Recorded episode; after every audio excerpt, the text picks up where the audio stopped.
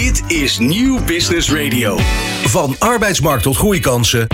Van bedrijfscultuur tot innovatie. De Ondernemer. Live. Elke dinsdag van 11 tot 1. Live op Nieuw Business Radio. Met Remy Gieling en Roland Tameling.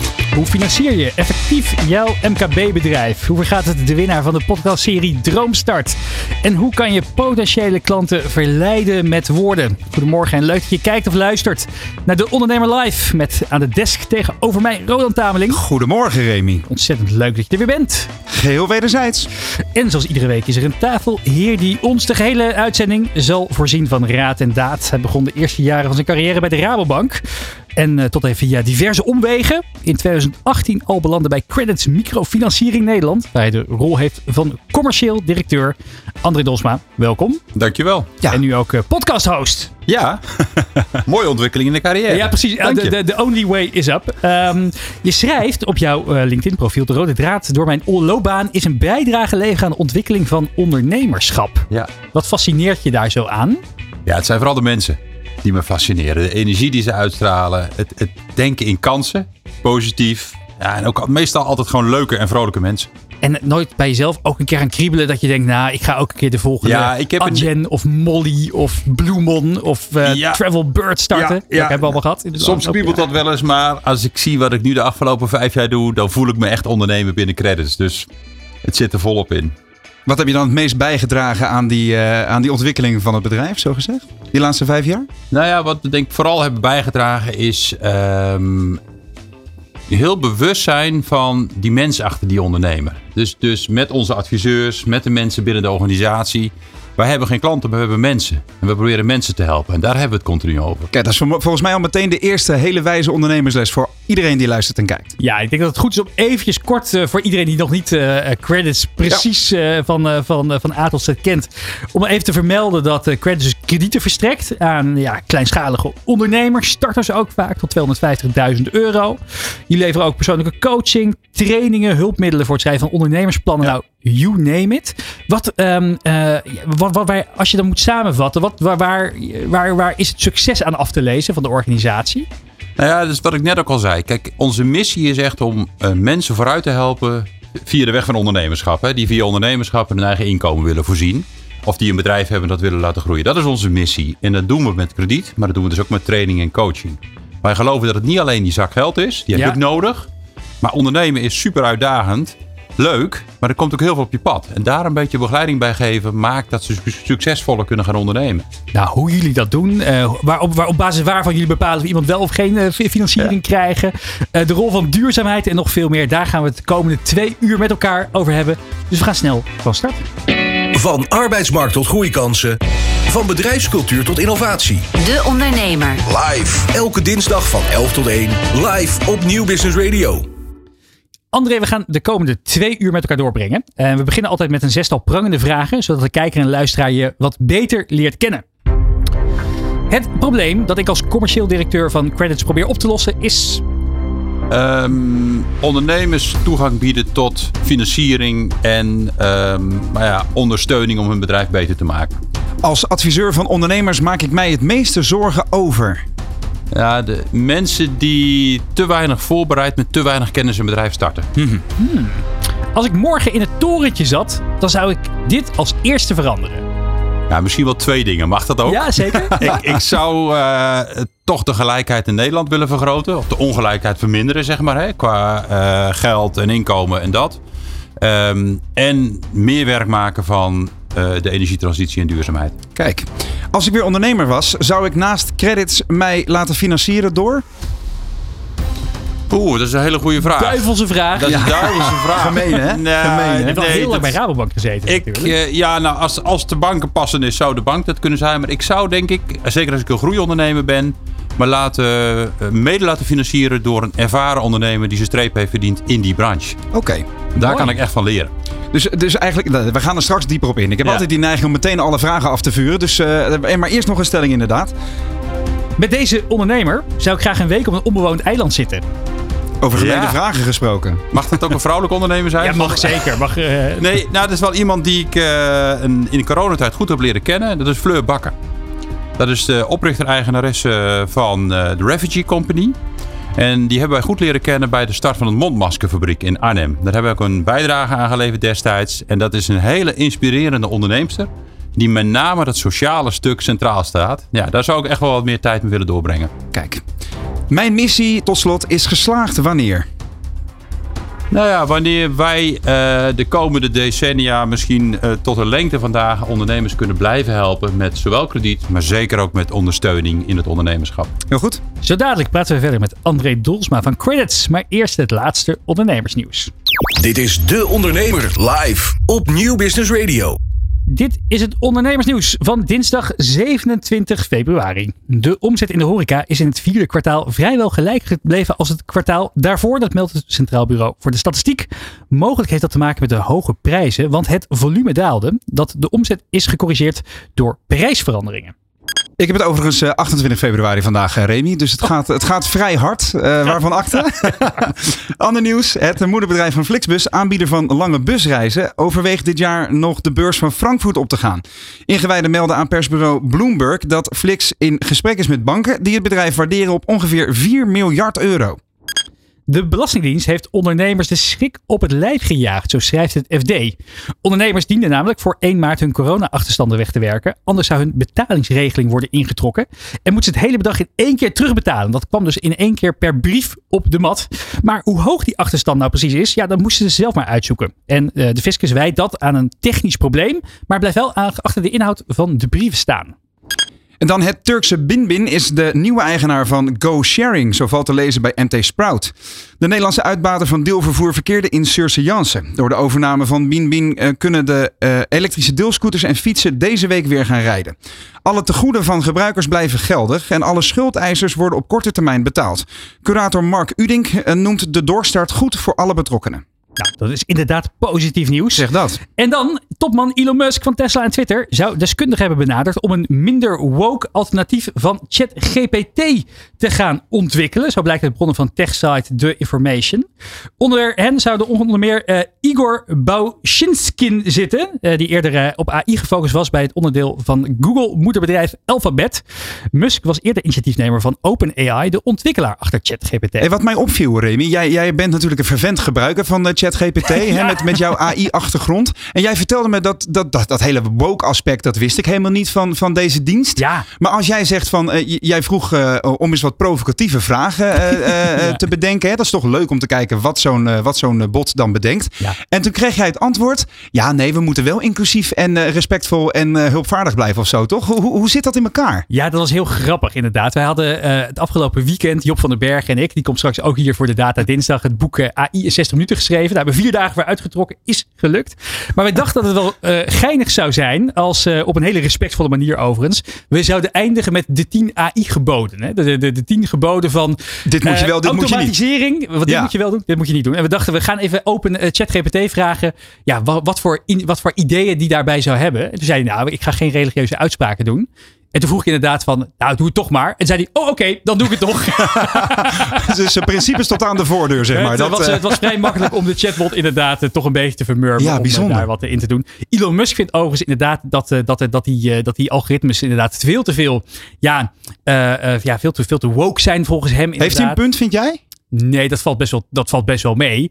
Die, die, die bot is gewoon getraind door mensen om bijvoorbeeld geen uh, dingen te zeggen over, nou ja, inderdaad, uh, vervelende dingen over religie. Ja, maar ook ras. over inbraken of ja. over inderdaad geen, geen, geen narigheid, inderdaad over persoonlijke dingen tegen mensen. En ja, dat is denk ik alleen maar goed. Maar ja, Musk uh, is, is op oorlogspad met Twitter. En die vindt dat alles maar ja, ronduit gezegd kan worden op het, op het wereldwijde web. En Ja. dus ook door chatbots. Duidelijk, nou meer daarover lees je natuurlijk op deondernemer.nl. De Ondernemer. Live op Nieuw Business Radio. We praten verder met André Dolsma van Credits. Ja, André, heb je zelf al ChatGPT geprobeerd? Nee, nog niet. Nee, nog niet. Mijn kinderen wel, maar ik heb het nog niet gedaan. Hebben ze het al ingezet voor het huiswerk? Ja, dat zeggen ze natuurlijk van niet. Oké, ze zeggen- Ik zou niet durven. Heel goed. Ja, we gaan het hebben over, eh, over credits. Ook over, jou, eh, over, jou, over jouw rol daar. Maar ook over wat voor bedrijven jullie financieren. En ook over ja, de Kleinbedrijvenindex. Een groot onderzoek wat jullie doen. Onder meer in samenwerking met ONL. Belangenvereniging voor Ondernemers. En de eh, Hogeschool Utrecht. Ja. Ieder kwartaal komt, die, komt die weer uit. En wat daar, wat daar recentelijk in staat. Ehm, Allereerst goed voor de kijkers en luisteraars om te weten. Wat voor ondernemers financieren jullie nou eigenlijk met credits? Ja. Ja, Credits is uh, uh, opgericht om met name startende ondernemers, kleine ondernemers te helpen. Hè. Dus onze doelgroep moet je voorstellen, dat zijn uh, twee derde ongeveer starters. Dus die voor het eerste bedrijf beginnen uit loondienst of vanuit een uitkering of een andere situatie. Studenten? Ook, hè, die van ja. zelfs wat je steeds meer ziet, parttime ondernemerschap. Hè, dus die beginnen naast hun studie een webshop of whatever, consultant, noem maar op. Dus dat zie je. En nou, een derde is dan bestaande ondernemers die een nieuwe machine willen kopen, die een tweede vestiging gaan doen, een franchise nemen die een tweede locatie wil. Of gewoon een ondernemer die wil groeien, hè? gewoon werkkapitaal. Ja. Dus dat kan van alles zijn. Maar we zitten echt in een klein bedrijf, zoals wij dat noemen. En dan moet je denken aan, gros van onze klanten hebben een eenmanszaak of een VOF. Tot een man of tien personeel gemiddeld, ook niet veel meer. Er zitten wel eens uitschieters bij. Maar we zitten echt aan het onderkant van het MKB, om het zo te zeggen. En waarom zouden die mensen bij jullie aankloppen en niet bijvoorbeeld voor crowdfunding kiezen of bij de ja. banken aankloppen? Ja, nou, goede vraag. Hè. Ze kloppen vaak ook bij de banken aan. Dat is toch een beetje cultureel bepaald dat wij als eerste naar die bank toe gaan. Dat ja. is prima. Hè. Dat, zit een beetje in ons in Nederland. Uh, maar wat je ziet is in. Kijk, wat gros van onze kredieten zitten onder de 50.000 euro. Dat is echt gewoon 95% van de leningen die wij verstrekken zijn kleinere bedragen. En daar zie je dat die ondernemer die dat nodig heeft steeds moeilijker door de digitalisering dat bij banken kan, kan krijgen. Dat is eigenlijk te klein voor die banken om interessant te Precies. zijn. Hè? Risico is hoog, kostenbelading is hoog. Dus dat speelt heel erg mee. Um, en uh, nou, waarom? Prima, als, een, als iemand naar de bank toe gaat, helemaal prima. Wordt je daar gefinancierd, alleen maar goed. Want daarmee haalt hij ook zijn doelen. Vinden ja. wij helemaal prima. Wij concurreren ook niet met de banken. Dat is niet onze plek. Um, crowdfunding is ook een goed alternatief. Uh, alleen met crowdfunding ben je wel afhankelijk van de schare investeerders die daarachter zit. En wat je daar merkt, heb je een keer een tegenslag, heb je een keer even uh, aflossingspauze nodig, dan moet je die investeerders weer gaan overtuigen. Mm -hmm. Voor de marketingkant prima alternatief. Zo zijn er voor ieder doel meerdere alternatieven. Maar waar wij het verschil in maken is dat wij heel erg door die cijfers en door die, door die eerste laag heen kijken, om het zo maar te zeggen. Hè? Dus uh, wat je vroeger had, dat er die ondernemer ging naar het bankkantoor, kreeg daar een gesprek met de adviseur en die ging nou eens bij hem op het bedrijf kijken. Dat is er bijna niet meer. Nee. En dan vindt die MKB-ondernemer wel fijn. Zijn vaak niet zulke control freaks of cijfermensen. Die willen gewoon een verhaal vertellen, hun passie. Hoe vinden dit soort ondernemers jullie dan weer op hun Ja, nou dat doen ze heel veel rechtstreeks. Ja, wij zijn natuurlijk gewoon nog goed vindbaar op, uh, via Google uiteraard. Maar we krijgen veel doorverwijzingen via de Kamer van Koophandel. Daar werken we ook nauw mee samen. Maar denk ook aan doorverwijzingen vanuit gemeentes, vanuit een UWV, uh, vanuit de banken. Ja. Heel veel vanuit de banken. Maar dat fascineerde me ook wel. Hè? Ja. Dat, dat, uh, ik hoorde een, een, gesprek met jullie algemeen directeur, uh, ja, Elwin Groeneveld. Ja. Um, die zei ook van ja, het, het, we zijn eigenlijk in het wak gesprongen dat de banken hebben laten ontstaan door steeds groter te groeien en steeds verder van de mens weg te komen. Hè? Die, uh, ik vond het heel mooi wat u zei. Het moment dat je elkaar in de ogen kijkt is er bijna niet meer. Dat is zeker voor die kleine ondernemer een essentieel, essentiële stap in dat hele proces. Hè? Ja, ja. Dat, dat, is eigenlijk, wij zijn in 2009 gestart. Precies. 2008, 2009 opgericht. Ja. En de, toen, dat marktfalen, zoals we dat toen noemden, dat had te maken dat iemand die maar 30.000 euro nodig heeft, kreeg niet eens meer een gesprek. En wij voeren dat gesprek gewoon. We gaan ook voor 5000 euro gaan we aan de keukentafel zitten en Delfzijl als nodig is. Ja. Hè? Dat doen we gewoon. Ja. En dat kunnen we doen. En dat verschilt ons van de banken, denk ik. Dat we doen dat vanuit een stichting zonder winstoogmerk. Dat is credits. Want ik las inderdaad op de site van de ondernemer een voorbeeld van uh, een, een, een, een, een ondernemer die had een bakkerszaak willen openen. Want haar, haar vader, de opa, waren ook al bakkers geweest. Zij wilde dat ook doen. Werd uiteindelijk inderdaad gefinancierd door credits. Ja. En zij waardeerde het enorm dat, dat zij gewoon uh, een gesprek met iemand in de koffiezaak om de hoek kon krijgen. Ja. Ik zou persoonlijk denken van, uh, uh, ik, ik, zou er niet op zitten te wachten. Geef gewoon die zak geld. Ja. Krijgen jullie dat ook wel eens te horen? Ook wel eens. Tuurlijk, hebben we ook wel eens. En dan, joh, die zo, je hoeft niet meer langs te komen. Geef me gewoon het geld en een gesprek, dat hoeft voor ons Ja, niet. precies. Ja. Doen jullie dat dan ook? Of nee, wij willen nee? altijd een gesprek voeren. Wat we wel doen, is voor kleinere kredieten doen met videocall. Dat deden we al voor corona. Dat doen we wel. Maar zeker als je kijkt naar horeca of een bakkerszaak of detailhandel kleding, wil je de zaak zien. Ja. Je wilt de locatie zien. En nou ja, het gros van, gelukkig het gros van die MKB-ondernemers vindt het super fijn dat er toch nog iemand bij hun langskomt. Precies. Want die trots, die willen ze laten zien van hun bedrijf of van hun plan. Maar je hebt zelf ook bij de Rabobank gezeten. Ja. Waar is het dan misgegaan bij die grootbanken, zou je zeggen? Ja, dat is natuurlijk wel een proces van, van eh, nou ja, decennia zou ik bijna zeggen. Hè? Kijk, de digitalisering is enorm toegenomen. Ja. Dat, dat, dat doen jij en ik ook. We kopen onze kleding digitaal en noem maar op. Dus dat is bij de banken niet anders. Ik ben daar wat, wel wat ouderwets in hoor. Ik ga dus heel graag, ook om goed advies te krijgen, naar een, re- Ja. een retailer toe. Ja, Ja, maar dat- maar goed, dat maar is, goed, misschien dus is je N is één. Wij Ja. zitten hier eh, lijnrecht letterlijk en figuurlijk tegenover Ja, elkaar. ja, Wat ook weer een mooie afspiegeling natuurlijk is Ja, van, zeker. denk ik, het gemiddelde Ja, MKB maar- in Nederland. Je ziet die digitalisering toenemen. Ja. Plus je ziet door enorme kostenbelading. Kijk, je hebt, sommige banken zijn aandeelhouders gedreven. Ja. Dus die hebben gewoon aandeelhouders die willen rendement zien. Dan moet ieder jaar toch een beetje meer. Iets meer dividend. Nou, je weet hoe het gaat. Hè? Dat hebben jullie vaak genoeg hierover, denk Zeker, ik, bij eh, beursgenoteerde Ja. ondernemingen. Daar heeft uiteindelijk die eindklant wel last van. Want het is natuurlijk niet zo efficiënt en het kost veel geld om voor 10.000 euro een gesprek te gaan voeren met die MKB-ondernemer. Of voor 50.000 euro. Ja. Nou, dus dat proces is al jarenlang gaande, dat het niet rendabel is. En daarnaast is dit een hoog risicosegment als je door een bankbril kijkt. Voor ons ook, hè? Het zijn leningen die, eh, waar we heel goed naar, naar kijken. We screenen ze zorgvuldig. Dat gaat niet allemaal goed. Dus er zit ook een percentage in wat niet lukt. Hoeveel procent valt er dan eventjes om het inzichtelijk te maken van de car af, zo gezegd? Ja, dat is bij ons jaarlijks, eh wat zal het zijn, rond de 6, 7 procent wat niet lukt. En eh, dus dat is best wel een percentage. Ja. Tegelijkertijd, ik denk dat, eh, dat bij jullie ook de leningen eh, zijn voor, voor startende ondernemers. Je zei voor de uitzending ook Ja. al, het zijn veel eenmanszaken, Ja. Ja. Mensen zijn ook persoonlijk gerand. Dus ze Ja. hebben natuurlijk ook wel echt een, een, een, een stok achter de deur. Om wel in elk geval eh, het wat ze starten en wat ze lenen daarmee ook uiteindelijk terug te betalen. Tuurlijk, absoluut. En dat hoort ook zo. Als je iets leent, moet je terugbetalen. Dat Ja. is simpel. Hè? Als je dat, dat, dat niet neerlegt, ja, dan wordt het een soort vrijbrief. Ja. Eh, wat je wel ziet, hè, die 6, 7 procent, daar zitten ook veel mensen bij die gewoon stoppen. En die kiezen ervoor. Ik ben begonnen met die zaak, ik heb het twee jaar gedaan. Ja. Ik zie het niet meer zitten. Ik ga terug in loondienst en ik betaal het de komende vijf jaar wel af. Ja, Dat het, zit er ook bij. Hè? het is natuurlijk ook een, eh, wat dat betreft een, een, een, een lastig vak ondernemerschap. Is superlastig. En het is niet voor iedereen weggelegd. nee. Maar wat ik, zo, wat ik zo interessant vind, daar kunnen we straks nog, eh, nog uitgebreid over door, denk ik. Eh, eh, bij de prangende vragen viel mij een aantal woorden op. Sociaal, Ja. dat viel vrij vaak. Duurzaam viel vrij vaak. En persoonlijk. Dat zijn Ja. dus echt drie elementen waarmee jullie proberen te onderscheiden. Of feitelijk onderscheiden ten opzichte van de andere aanbieders. wij- met name dat sociaal, wij noemen dat met een mooi woord inclusief. Ja. Dat is zo'n woord die gebruikt iedereen. Wat we, kijk, onze missie is om mensen die anders niet die toegang hebben tot die financiering en toch dat bedrijf willen starten om op eigen benen te staan, om Ja. die vooruit te helpen. En dat is eigenlijk de basis van credits. Hè, dus dat sociale stuk, inclusief.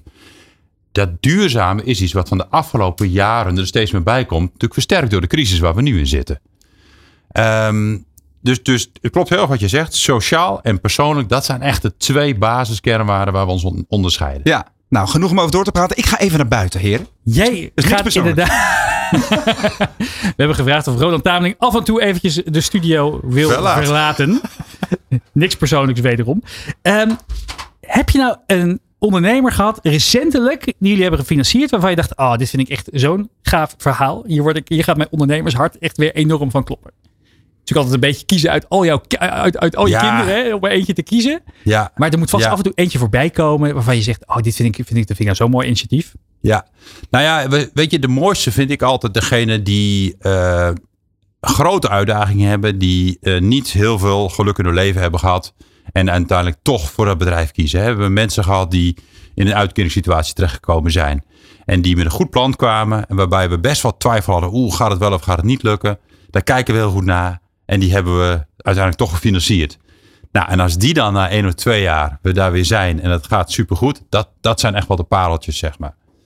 Ehm, nou, we hebben dat, nou, dat wel even een half jaar geleden. Was een onderneming in het oosten die deden eh, vleespakketten, zeg maar. Weet je, dus die, die eh, hadden koeien lopen en dan kon je dan eh, ook online, kon je, eh, nou ja, duurzaam Een, natuurlijk. een deel koe kopen. Een deel Ja, koe kopen, zeg ja. maar.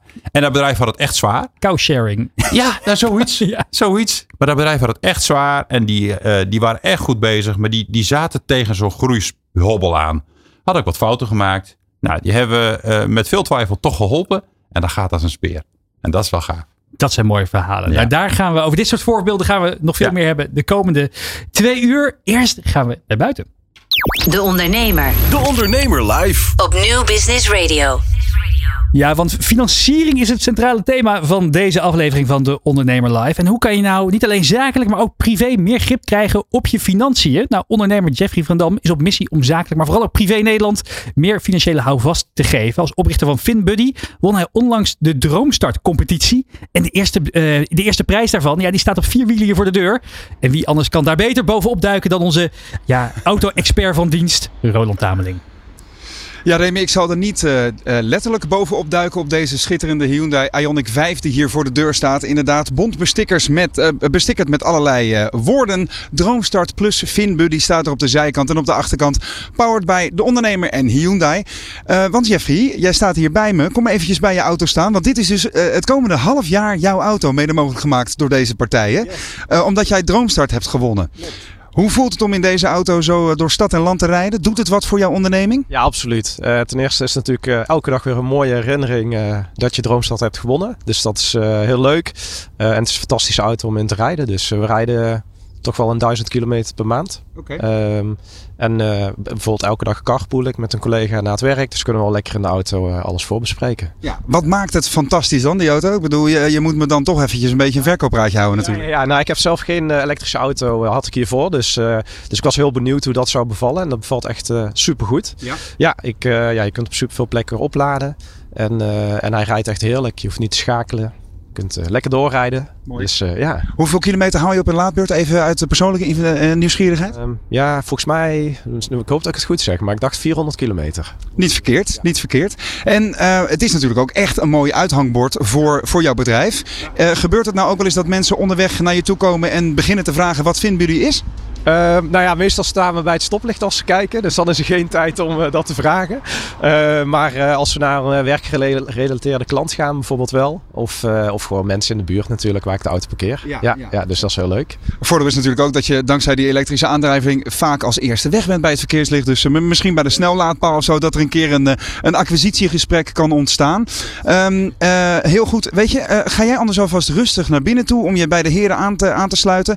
dan gaan we doorpraten over over Droomstart en over FinBuddy. Wat het uh, tot op heden doet. En wat je plannen nog meer zijn voor de toekomst. En inderdaad, is toch een aardige prijs, nietwaar? Een Hyundai Ioniq 5. Ja, die Hyundai Ioniq 5 allemaal gewonnen uit die Droomstart podcast uh, competitie. Alweer het zoveelste seizoen inmiddels. Want hij gaat al een tijdje mee. André, jij bent niet alleen commercieel directeur bij, bij, bij Credits, maar je was ook jurylid ja, van Droomstart. Ik zat dus, in de jury, ja. Je hebt samen met, met een divers palet ja. aan ondernemers, waaronder ook Kelly Wekers, ja. hebben jullie uiteindelijk toch die eerste prijs aan Jeffrey van Dam gegeven met FinBuddy. Was het omdat jouw financiële hart hierdoor ging kloppen? Ja, dat kan de enige winnaar zijn. Nee, nee was echt, dat hebben we toen ook wel gezegd in, de, in die finale, in die podcast. Ja. Is, het was echt super lastig om. Uh, uh, we hadden tien topkandidaten. Ja. Dat, dat verraste ons echt enorm. En uh, toen gingen we uiteindelijk, ja, gaat van 10 naar 4 en dan naar 2. En dan uiteindelijk moet je de winnaar kiezen. En, uiteindelijk ja, was het FinBuddy en Food for Skin. Ja, ja, ja. die zaten heel dicht gaat? tegen elkaar. Hè? Die had echt heel dicht, uh, ook in de fase, allebei aan het schalen, allebei al echt iets neergezet, zeg ja. maar. En uiteindelijk de doorslag was toch met name het maatschappelijke uh, impact die ja. FinBuddy kan maken. Vanwege die schuldenproblematiek, inzicht in je financiën en ook de schaalbaarheid. Dus, maar ja. het, was, het, was, ja, het was super gaaf. Dat was echt een, een, een feestje om in die jury te mogen zitten. Uh, ja, uh, Jeffrey, leuk dat je er bent. Welkom wederom in, uh, in de studio. Je bent hier ook al eerder te gast geweest. Yes. En ik luisterde even naar de finale van de Droomste aflevering. En daarbij zei je de vorige keer dat je het best wel spannend vond om op de radio te komen. Dat klopt. Is het nu beter deze keer? Um, Begint het een beetje te wennen? Nou, een beetje. Ja, het is okay. wel nog steeds spannend. Uh, maar ik kan er wel echt van genieten. Ik vind het heel leuk dat ik hier uh, vandaag mag zijn. Nou, we ja. vinden het ook ontzettend leuk ook. dat je er bent. Voor de luisteraars uh, en kijkers die nog niet de, de Droomstad-finale hebben geluisterd of op finbuddy.nl hebben gekeken, kan je nog even kort die elevator pitch doen. Wat, welk probleem lossen jullie op? Yes. Um, nou, in Nederland worden eigenlijk allerlei vaste lasten over de hele maand verspreid afgeschreven. Denk aan je zorgverzekering, telecomprovider, energieleverancier, et cetera. En eigenlijk die, die, die spreiding, Netflix, hele, hele goede. en eigenlijk die spreiding zorgt heel veel chaos op de rekening. En wij gaan ervoor zorgen dat straks al die vaste lasten op één dag worden afgeschreven. De dag na het inkomen. Waardoor je zeker weet dat je rekeningen netjes zijn betaald. En je precies weet wat je nog over hebt om uh, te sparen of leuke dingen te doen. Ja, geweldig. Uh, André, wat, wat, toen jij dit hoorde, en met jouw achtergrond, ook bij de Rabobank, maar ook niet bij Credits. Ja, ja. ja je, je, dit, dit, dit is denk ik een groot probleem voor veel mensen. Ja, dat die, kijk, die chaos op die rekening inderdaad. Financieel inzicht is een heel groot probleem. Het is bij particulieren zo, hè, maar het is ook bij ondernemers zo. Ja. En je, je denkt zelfs, joh, de oplossing is eigenlijk zo simpel, waarom is dit er nog niet? Nou, en dan hoor je het verhaal van, van Jeffrey en van Finbu die uh, welk proces je dan moet lopen om al die vaste lastenleveranciers op hetzelfde moment te laten incasseren. Uh, maar dat is wel denk ik een hele belangrijke stap om inzicht te krijgen. Want je chaos op die rekening, nou, ga maar eens kijken bij de gemiddelde ondernemer wat daar allemaal uh, over die rekening gaat. Ja. En dan hebben ze ook nog een beetje de pech dat ze vaak zakelijk en privé door elkaar heen mixen. Want ja, de boodschappen kunnen ook wel van die zakelijke rekening. En misschien Netflix ook nog wel. Ja. En dan is de, het overzicht totaal kwijt. Ja, ik, uh, ik, uh, um, ik zal het net doen alsof ik dit niet herken. Maar uh, daar ben al goed bezig. Bij de accountant zal je er anders over ja. oordelen. Ja. Maar een ander punt wat natuurlijk voor veel ondernemers ook een heel relevant probleem is. Is dat opdrachtgevers niet op tijd betalen. Dus dat je, hè, dan probeer je die mhm. rust te mhm. krijgen in je, in je rekeningen. Uh, en dan, dan wordt er op een dag heel veel afgeschreven. En dan denk je, nou, ik hoop toch dat die factuur de komende weken betaald wordt. Want het wordt nu een beetje nijpend. Dat herken ik overigens ook niet hoor. Maar, uh, Maar, maar dat is natuurlijk ook nog een punt. Uh, in hoeverre staat dat bij jou op je radar? Um, ja, daar moet ik heel eerlijk in zijn. Je, we moeten echt focus leggen als start-up. Dus Precies. Dus we hebben echt focus op particulieren op dit moment. Ja. maar bijvoorbeeld een, als iemand een management fee krijgt of een DGA salaris. En dat gewoon op een vaste dag binnenkrijgt. En ze particuliere vaste last worden een dag later allemaal op één dag vast afgeschreven. Dan is dat natuurlijk nog steeds uh, heel erg fijn. Dus die, die mensen kunnen we wel helpen. Mhm. Maar echt de zakelijke transacties nog niet. Dat is uh, maar wel, een, voor de toekomst. Uh, een van de doelen kan ik me ja, voorstellen. Ja, absoluut. Ja. ja dat, is, dat, is, gelijk een goede tip voor jullie beiden, zeg maar. Hè? Dat je gewoon ook heb je een eenmanszaken voor VOF. Maak nou per maand een vast bedrag over van de zaak naar privé. En de dag daarna doe je alle vaste lasten via Jeffrey en dan heb je overzicht. Ja. Ja. Maar dat is, dat is zonder gekheid. Dat is echt een probleem bij ondernemers. Hè? Dat gebrek aan financieel inzicht, al die mutaties lopen door elkaar. Dat kun je heel makkelijk structureren, ook als ondernemer. Mm ik zal, er, eh, ik, ik, zal mijn leven beter en er eens naar gaan kijken in de, in, in, de, komende vijf jaar. Dat hoor ik jou ook elke week zeggen. uh, wat, wat André net ook al zei, is dat het natuurlijk best wel lastig is om al die ja, leveranciers uh, op één lijn te krijgen. Dat ze op een moment willen en kunnen gaan factureren. Ja. Hoe staat dat proces nu? Um, nou ja, in de, eh, voor de finale van Droomstad mochten we aankondigen dat Essent onze eerste klant is. Dus dat is mooi, dan heb je de eerste. Ja. Uh, maar dan moet je natuurlijk momentum gaan gebruiken om meer partners aan te sluiten dit jaar. Um, nou ja, ik kan vertellen dat er uh, twee bij komen. waarschijnlijk dit kwartaal nog. Een grote woningcorporatie en een andere energieleverancier. en tegelijkertijd werden we ook uitgedaagd om na te denken van ja, hoe kun je nou nog sneller schalen? En dat kunnen we doen met bijvoorbeeld incassopartners. Die niet alleen uh, voor één partij de incassos regelen, maar dat misschien wel voor 500 partijen doen. Ja. Um, en uh, ook daar hebben we nu een, uh, een partnership met Buckaroo. dat is de eerste incassopartner die ons gaat aanbieden als een soort module bij al zijn klanten.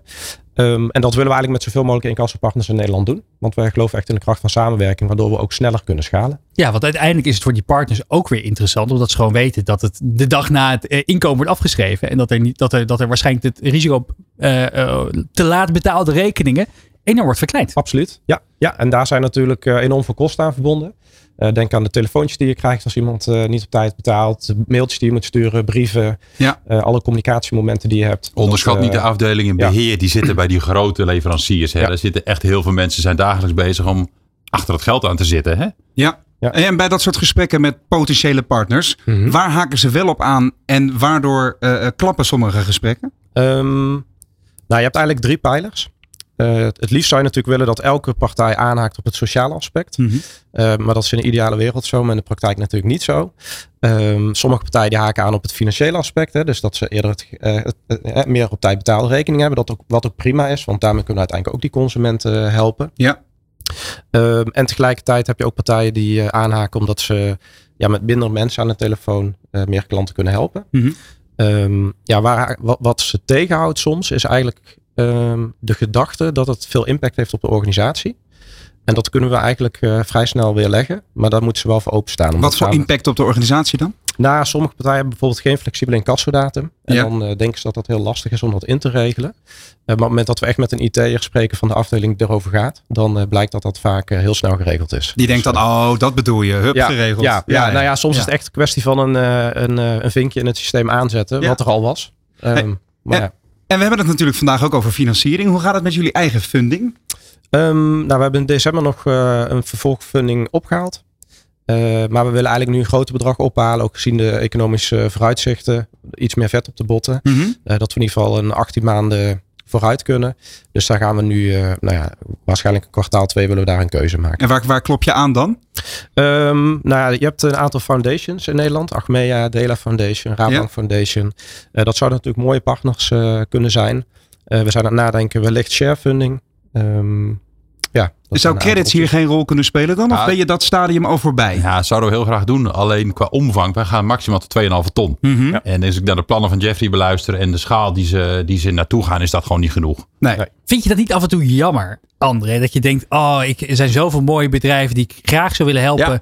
Maar die wat meer nodig hebben. Ja. Want ook, ja, die 2,5 ton is natuurlijk al, al een tijd zo dat jullie dat, dat doen. Ja, vanaf uh, 2014, 15 doen we dat. Ja, en, de, en die, ja, de, met inflatie en de financieringsbehoeften is natuurlijk ook gestegen in de afgelopen jaren. Dus ja. zou, zou, je daar niet iets mee willen doen? Als je... Uh, jouw vraag, is dat soms jammer? Ja, dat is soms jammer. Tegelijkertijd, ik hoorde Jeffrey ook zeggen, moet je focus houden. En onze focus ligt op dat kleinbedrijf, die starters in dat segment. En wij, zijn, wij willen niet gaan concurreren met andere partijen in die grotere financieren tot een miljoen of tot 2 miljoen. Wij zijn supergoed in wat we nu doen, tot mm -hmm. 2,5 ton. En dan gaan we de komende jaren lekker zo houden. Maar dus ook keuzes maken. Maar die, die persoonlijke begeleiding waar je het net over had. Ik kan me ook voorstellen dat dat um, doorvloeit in uh, een advies van joh, met, met dit plan kun je het beste naar deze partij gaan. Ja. En want jullie hebben daar natuurlijk ook goede tentakels. Ja, zeker. Ja. zeker. Nou, wat je ziet, wat ik net in het begin zei, van soms zie je dat een lening die met rente en aflossing helemaal niet past bij een snelle groeier. Daar moet er eigenlijk investeringskapitaal in. Mm -hmm. Liefst iemand die het netwerk een beetje kent of een informal investor die echt vooruit kan helpen. En dat, dat adviseren we dan ook. Ik vind het een fascinerende wereld. Ja, ja dus, maar, nou ja, we gaan er de komende twee uur nog heel veel over doorpraten. Nog, nog even over FinBuddy. Ja, wat voor. Ja, je moet ook klanten gaan vinden. Hoe doen jullie dat op dit moment? Um, nou, op het moment dat bijvoorbeeld een, een vaste lastleverancier een mailtje stuurt naar, uh, naar zijn of haar klanten, dat is eigenlijk het beste medium. Um, de conversie is eigenlijk uh, heel hoog. Dus dan uh, kunnen we eigenlijk op die manier prima klanten bereiken. Dus hoeven ze eigenlijk niet, dat is denk ik ook wel de kracht van deze fintech, is dat we niet enorme marketingbudgetten nodig hebben om uh, klanten te activeren. omdat we dat juist met onze partners gaan doen. Ja, je marketingbudget rijdt de komende zes maanden nog rond natuurlijk. Ja, ook, ja. dat, dat, is makkelijk praten. Ja. En hoe gaat het dan? Dus dan ga je naar findbuddy.nl, dan maak je daar een account aan. Um, nou, wat we nu doen is die vaste lastleveranciers aansluiten. En vanuit die partijen de, uh, de mensen activeren, mm -hmm. de consumenten. Uh, tegelijkertijd willen we ook niet op onze website stilzitten. Dus wat we nu doen is ook een oproep van... Goh, wil je dat FinBuddy mogelijk wordt gemaakt in de toekomst? En we, welke vaste lastleveranciers heb je, jij of heb jij? en wil je dat er meedoen met FinBuddy? Dan kun je die al aangeven via de, via de website. En dan kunnen wij met die lijst uiteindelijk... Oh, ja. Ik noem maar iets. Stel dat je 20.000 mensen hebt die zeggen... hey, ik wil dit heel graag ook bij T-Mobile dan kunnen we met die lijst ook uh, naar T-Mobile gaan en zeggen van jongens, we hebben al heel veel mensen die, die dit willen. Dus uh, waarom doen jullie nog niet mee? Precies, precies. Wat, uh, en, en als je dan een beetje gaat dromen over, hè, droomstart, dromen over, over het aantal klanten wat je uiteindelijk zal hebben de komende twee, drie jaar, waar moet het dan staan? Um, sorry, kun je, ja, maar als je gaat, gaat dromen over ja? het gewenste aantal klanten wat je aansluit. Ja? Hoeveel, hoeveel, Nederlanders moeten dan ja, over twee jaar, misschien drie jaar um, bij Finbuddy zijn aangesloten? Ja, ik vind, uh, dat vind ik altijd een lastige vraag. Um, als we kijken naar uh, hoeveel mensen wil je uiteindelijk uh, activeren in Nederland, dan is onze doelstelling richting de 5 miljoen. Um, en ik denk dat dat ja, omdat je het eigenlijk als een standaard dienst wilt zien. Van op het moment dat iemand op zichzelf gaat wonen. Dat eigenlijk de ouders meteen zeggen van goh, het is gratis. Het maakt je financiën veel makkelijker. Dus waarom kun je niet uh, meteen gebruiken? maar tegelijkertijd is 5 miljoen denk ik een veel te hoog getal voor drie jaar tijd. Dus, dus, dus in welke fasering dat gaat lukken. Daar hebben we natuurlijk wel allerlei prognoses op gemaakt. Maar dat vind ik nu nog wat lastig. André, wat voor adviezen zou jij nog willen geven? Als je kijkt naar, je hebt de droomstadfinale meegemaakt. Uh, om dat mogelijk te maken. Dat pad naar die 5 miljoen aangesloten gebruikers uiteindelijk. Wat best veel, nou, wat, wat, best ambitieus is in elk geval. Absoluut, heel ambitieus. Uh, we hebben het er ook over gehad in de, in de mhm. sessie. Je, je wilt daar een soort fear of missing out gevoel toe. Dat ja. je uh, grote, hoe noem je dat, vaste lastenleverancier bent. En denkt, oh wacht eens even, die ja. andere drie doen het al op de dag na de inkomen incasseren. Ik nog niet. Ja, hmm, dat, Toch maar eens met die jongens gaan praten. Ja. Ja. Dat, is wel, dat is eigenlijk de beweging. Daar heb je eerst een aantal denk voor nodig, misschien 20, 30 voordat ja. het gaat ontstaan. Uh, en dat advies hebben we ook, uh, daar hebben we het ook over gehad. Ja, en, en een ander punt is, het is niet alleen voor de mensen die financieel wat minder onderlegd zijn. Ook mensen met hele goede inkomens, die maken er ook een zootje van af en toe. Ja, ja. absoluut. Ja. Dus het is pitch niet alleen ook naar die, die vaste lastleveranciers op de mensen die het sowieso al uh, financieel zwak hebben. Nee. Maar het is breed denk ik voor de hele doelgroep. Absoluut. Ja. Ja. Dat vind ik het mooi ook. Ja. En, en, in hoeverre ben je dan een aanvulling op de services en diensten die de financiële instellingen in Nederland al zelf bieden? Hè? Ik bedoel, als ik zelf kijk naar mijn ING-rekening, die proberen ook door allerlei functies in de app hè, financieel inzicht te krijgen, uh, om uh, hè, vooruit te kijken, zoals ja. ze dat dan noemen. Uh, wat voeg je dan toe en in hoeverre zit daar een soort, is daar een soort synergie te, te ontwikkelen voor de komende tijd? Um, nou, wat we toevoegen is denk ik dat je banken bieden vooral inzicht en overzicht. Dat willen ze steeds meer bieden via de app. Mhm.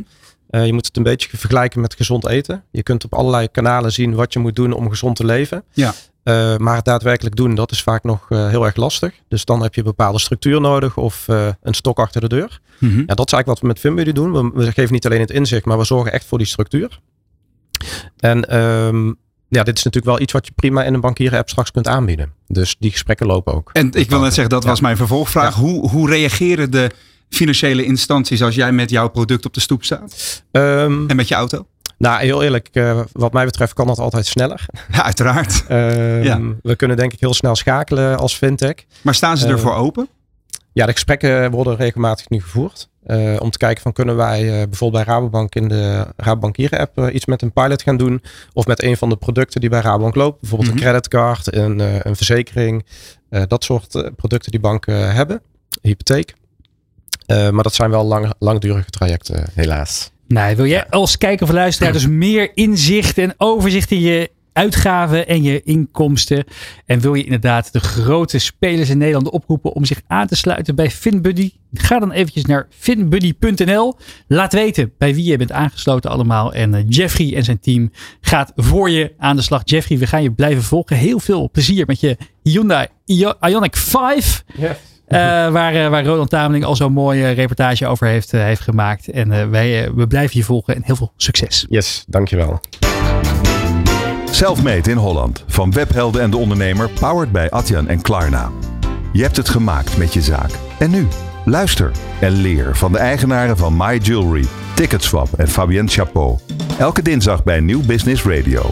Meekijken? Ga naar de ondernemer op YouTube. Meer weten? Ga naar webhelden.nl. Dit is De Ondernemer live op Nieuw Business Radio. Ja, we praten weer verder met André Dolsma van Credits. Ja, André, we hadden zojuist uh, Jeffrey van Dam van FinBuddy te gast. Ook finalist geweest bij Droomstart. De podcastserie die ook mede mogelijk is gemaakt door Credits. Notabene, jij was jurylid. Zijn dit nou ook ondernemers waarvan jij denkt... ja, dit hebben we meer nodig in Nederland. En hoe gaan we dat voor elkaar krijgen? Nou ja, ja en ja. Dus zeker hebben we deze meer nodig. En, en het mooie hiervan is dat het gewoon echt goed doordacht is. En het helpt een, een echt een probleem oplossen. Hè? Ja. Dus, dus dat vind ik heel gaaf bij deze. En dat hebben we denk ik vanuit ook een jonge ondernemer. Hè? Ook een jong team. Hè? Dat team was er ook. Dat hebben we gewoon nodig. Hè? Met alle respect. Zijn uh, uh, ik ben ook al de 50 gepasseerd. En juist voor vernieuwing en inspiratie heb je die twintigers nodig. Die jonge ondernemers die echt weer opnieuw kijken naar deze wereld. Naar de problemen die er zijn. En met creatieve oplossingen komen. Kun je ons meenemen naar jouw aha-erlebnissen die jij had toen jij in de jury zat en jij al die, die power pitchers hoorde? Dacht jij nou, nou ja, dat kan ik dit wel. is goed. Wij zijn echt af en toe, we zaten in, in, in zo'n mooi bankje zeg maar. Hè, van Ja. die stoelen zijn we echt een beetje omvergeblazen. Hè, figuurlijk achter in die bank gedrukt door de, door de passie en de manier hoe ze die pitches deden. Zonder, en de, uh, Fabienne heeft daar nog een training voor gedaan. Maar ook de eerste rondes dat ik dacht, wauw. Ja. Hier staat wel een stukje zelfverzekerdheid, zelfvertrouwen en gewoon overtuigingskracht. Zijn er dan elementen die, die je meeneemt in je eigen functioneren? Nou, wat ik heb meegenomen is met name een stukje die creatieve oplossingen. Want bijvoorbeeld de oplossing van Jeffrey, dat ik denk, ja, hoe simpel is die eigenlijk?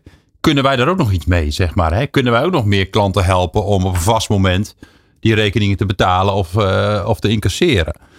Um, maar dat geldt voor heel veel van die start-ups. En, en je wordt toch ook weer geïnspireerd. Er zijn een aantal geweest die hebben toch weer wat nieuwere financieringsvormen. Sharefunding, Jeffrey Ja. zei het ook al. Ja. Je kent het wel, je hebt er van, van gehoord. Maar door het netwerk in die, in die uh, droomstart kom je echt de ondernemers in aanraking die het zelf hebben gedaan. En denk, oh wacht even, zo werkt het dus precies.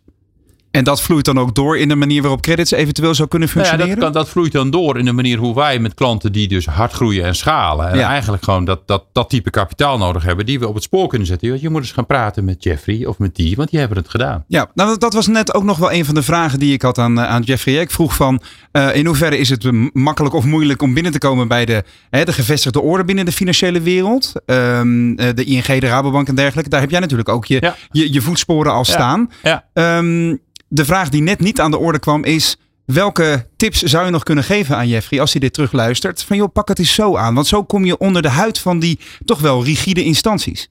Nou, wat ik, wat ik altijd meegeef is benoem ook de risico's in je model. Maar Ik zie heel veel hockeystickprognoses. Die Ja. gaan echt als een speer altijd. Ja, wishful Groot- thinking, wishful eh, thinking groot dat is het, hè? Ja. Kijk maar, 9 van de 10 van die businessplannen zijn hockeystickprognoses. maar ik heb veel liever dat er gewoon in staat. Dit zijn de risico's. Als dat gebeurt, dan moet ik downsizen. Dan moet ik een, een, een ander scenario erbij leggen. Ja. Dus wees gewoon realistisch. En, en da- daar prikken namelijk bankiers direct doorheen. Die lezen veel liever van ja, dit zijn de valkuilen. Dat, ik heb daar eh, mee rekening gehouden. Dat kan een downside scenario zijn. Dat, dan worden ze wat rustiger. Mhm. Dat je eigenlijk het denkwerk al gedaan hebt. En dus, Eh, dus ook, ja, wa- wat je zegt, realisme is eigenlijk Realisme. een belangrijker Ja. eh, eh, instrument om binnen te komen Ja. dan een soort van optimisme. Maar dat geldt ook voor een, een, een aanvraag die wij binnenkrijgen van iemand die een koffiebar wil gaan doen. In Hilversum bijvoorbeeld. Ja. En die in het eerste jaar denkt vijf ton omzet te halen. Dan denk ik, oh wacht eens even. Ik heb er gewoon één Nou zijn die koffies ook wel duur hier in Hilversum. Ja, dat is wel duur. Ja, dus hier zou het Nee. misschien net kunnen. Maar zonder gein, dat is inderdaad... Maar dat is dus realisme. Ja. Ik heb veel liever dat iemand komt. Joh, het eerste jaar kan ik misschien anderhalve ton draaien. Kan ik net aan break-even draaien. Tweede Ja. jaar groei ik wel door. Kun je me helpen met wat meer werkkapitaal? Waar Ja. komt dat vandaan? Dat, dat, dat, dat tomeloze optimisme over, eh, over, over toekomstige voorspellingen bij, bij, bij, bij ondernemers. Want dit is natuurlijk al, dit, is- dit is al zo oud als de weg naar ja, Rome. dat, dat ondernemers inderdaad denken. oh, Ik, ik, ik, ken, ik ken de menig startup pitch nog herinneren dat, eh, dat ze vertellen van eh, ja, de markt is inderdaad zo groot. We, we- Ja. we zijn in Nederland 17 miljoen eh, mensen. En of 18 misschien inmiddels al. En als we Mhm. dan 1% van de markt als klant hebben, dan zijn wij eh, de, de meest Ja. winstgevende organisatie ter wereld ongeveer. Ja. Ja. Zit het niet gewoon in het profiel ook van de mens, ondernemer veel? Hè? Daar zit Ja. opportunisme, karaktereigenschap, kansen zien. Ja, En wat minder aan de risicokant zitten. Da- eh, daar moet je ook hebben.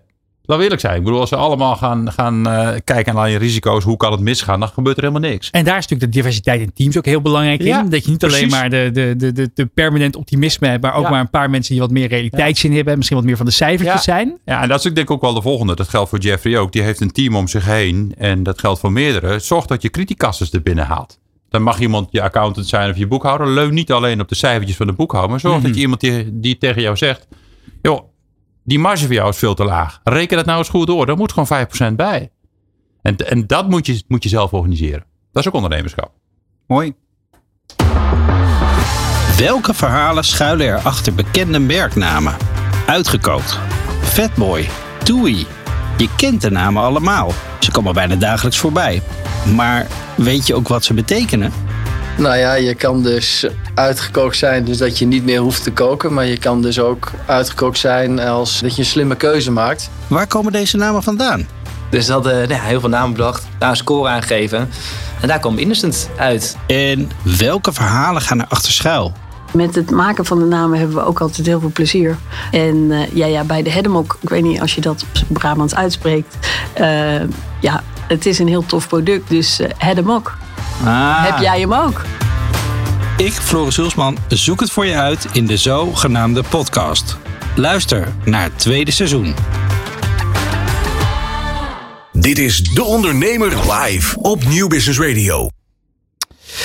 Welk woord gebruik jij het vaakst in je teksten? En hoe denk jij dat dit de resultaten van jouw site of offerte beïnvloedt? Nou, onze volgende gast is tekstspecialist en auteur van het boek De Zeven Magische Woorden. Ja. En zal meer vertellen over de kracht van woorden in het schrijven van overtuigende teksten. Ik doe alweer even een Roland Kaantje. Ik hou even het boek omhoog. Zoals Ja. eh, Roland Kaan onlangs ook deed in de show. de- Zo'n beetje de hele twee uur lang. Ja, Maar dit is wel weer een interessante, Remy. ja Nicole Tadema, welkom. Leuk dat je er bent. Ja, dankjewel. Het is alweer je vierde boek. Klopt. Wat, eh, wat, eh, wat, wat, wat, eh, waardoor heb, waardoor, wat heb je, ehm, waardoor ben je weer de pen ingeklommen? Ja, de pen. Nou, ik schreef hem achter het toetsenbord. Dat dan weer wel. Ehm, eigenlijk dat ik... ik had uh, elf jaar lang heb ik een tekstbureau uh, gehad. Dat heb ik begin vorig jaar verkocht. Ik dacht, wat nu? Nou, dat was niet letterlijk de gedachte. Maar wel, ik dacht van ik wil echt weer die inhoud van tekst induiken. Nadat ik uh, elf jaar een bedrijf heb gerund. Um, je was helemaal klaar met die medewerkers? nou ja, vooral met alle randzaken. Okay. en daar zijn medewerkers wel onderdeel van, absoluut. En ik vind die inhoud van tekst mateloos interessant. En ik weet dat je met één woord het verschil kan maken. Ik vind de psychologie van tekst mateloos interessant. En uh, ik was een whitepaper aan het redigeren waar 55 keer het woord maar in voorkwam. Toen dacht ik, dit heeft wel effect op je tekst. En dat was het begin van het idee achter de zeven magische woorden. Met als ondertitel waarmee jij als tekstschrijver of marketeer jouw resultaten beïnvloedt. Maar, zeg ik dan, wat is de belangrijkste tip uit dit boek? De belangrijkste tip, um, realiseer je de kracht die tekst heeft. Ja. Ja. En wat is die kracht dan? De kracht van tekst is dat je met een alledaags woord, zoals die zeven magische woorden, die je op pagina 12 uh, eh, trouwens kunt vinden op een rijtje, um, je tekst kunt maken of breken. En ik geloof erin dat uh, ondernemers zijn, mijn inziens, ook tekstschrijvers en marketeers. Dat maakt onderdeel uit van je vak. En op het moment dat je die alledaagse woorden heel uh, tactisch in weet te zetten, dan kan je je resultaten positief beïnvloeden. Doe je dat op de foute manier, zoals 55 keer het woord maar in je whitepaper, ja. dan kan dat wel een negatieve associatie in het brein veroorzaken. Ja, Roland gebruikt gelijk het volgende magische woord ja, want dit zijn ze inderdaad, maar omdat jij niet of als en ja. Ja. En hoe ben je, wat, wat maken deze woorden zo magisch? Um, ja, ik heb voordat ik startte, eh, ik bedoel, de whitepaper gaf duidelijk aan dat het woord maar dan een hele belangrijke was. Uh, dus dat is volgens mij ook het, uh, het eerste ja, woord wat ik behandel. Ja. En uh, vervolgens ben ik vooral heel veel teksten gaan analyseren. uiteenlopende teksten van welke woorden kun je nu gebruiken die jouw tekst kunnen maken of breken. Dus welke woorden kun je inzetten op een manier dat het een negatief effect heeft. Maar ook die positieve kant. bijvoorbeeld het woord niet is ook een van de magische woorden. Ja, op het moment dat jij gaat zeggen, we zijn vandaag niet open, dan, dan is dat ook weer een negatieve boodschap. Mhm. Eh, zeg je, we zijn vanaf morgen weer open, dan ben je ook meteen een stuk duidelijker. Maar je kan het woord niet wel heel slim inzetten bij verliestaal bijvoorbeeld. Mis dit niet. Um, dat zie je natuurlijk heel vaak uh, terug ook bij, uh, bij acties van loop deze actie niet mis. Ja, dan, dan activeer je weer het gevoel van de fear of missing out in nou, het brein. Daar had, ja. had André het net ook al over inderdaad. Dat nou is toch ook weer dat stukje psychologie waardoor je denkt, je, je triggert bij mensen meteen, wacht even, nou, nou moet ik opletten. Ja, want eigenlijk zijn het allemaal breintrucs die je kan gebruiken om uh, met middels een tekst uh, iets te bereiken bij jouw gewenste klant. Ja, en in het onbewuste brein, hè, dus als je het goed doet, heeft de lezer niet door dat je aan het beïnvloeden ja, bent. Het is niet de booking.com methode waar alles schreeuwt dat je wordt beïnvloed om maar op die, die kamer te gaan, te gaan reserveren.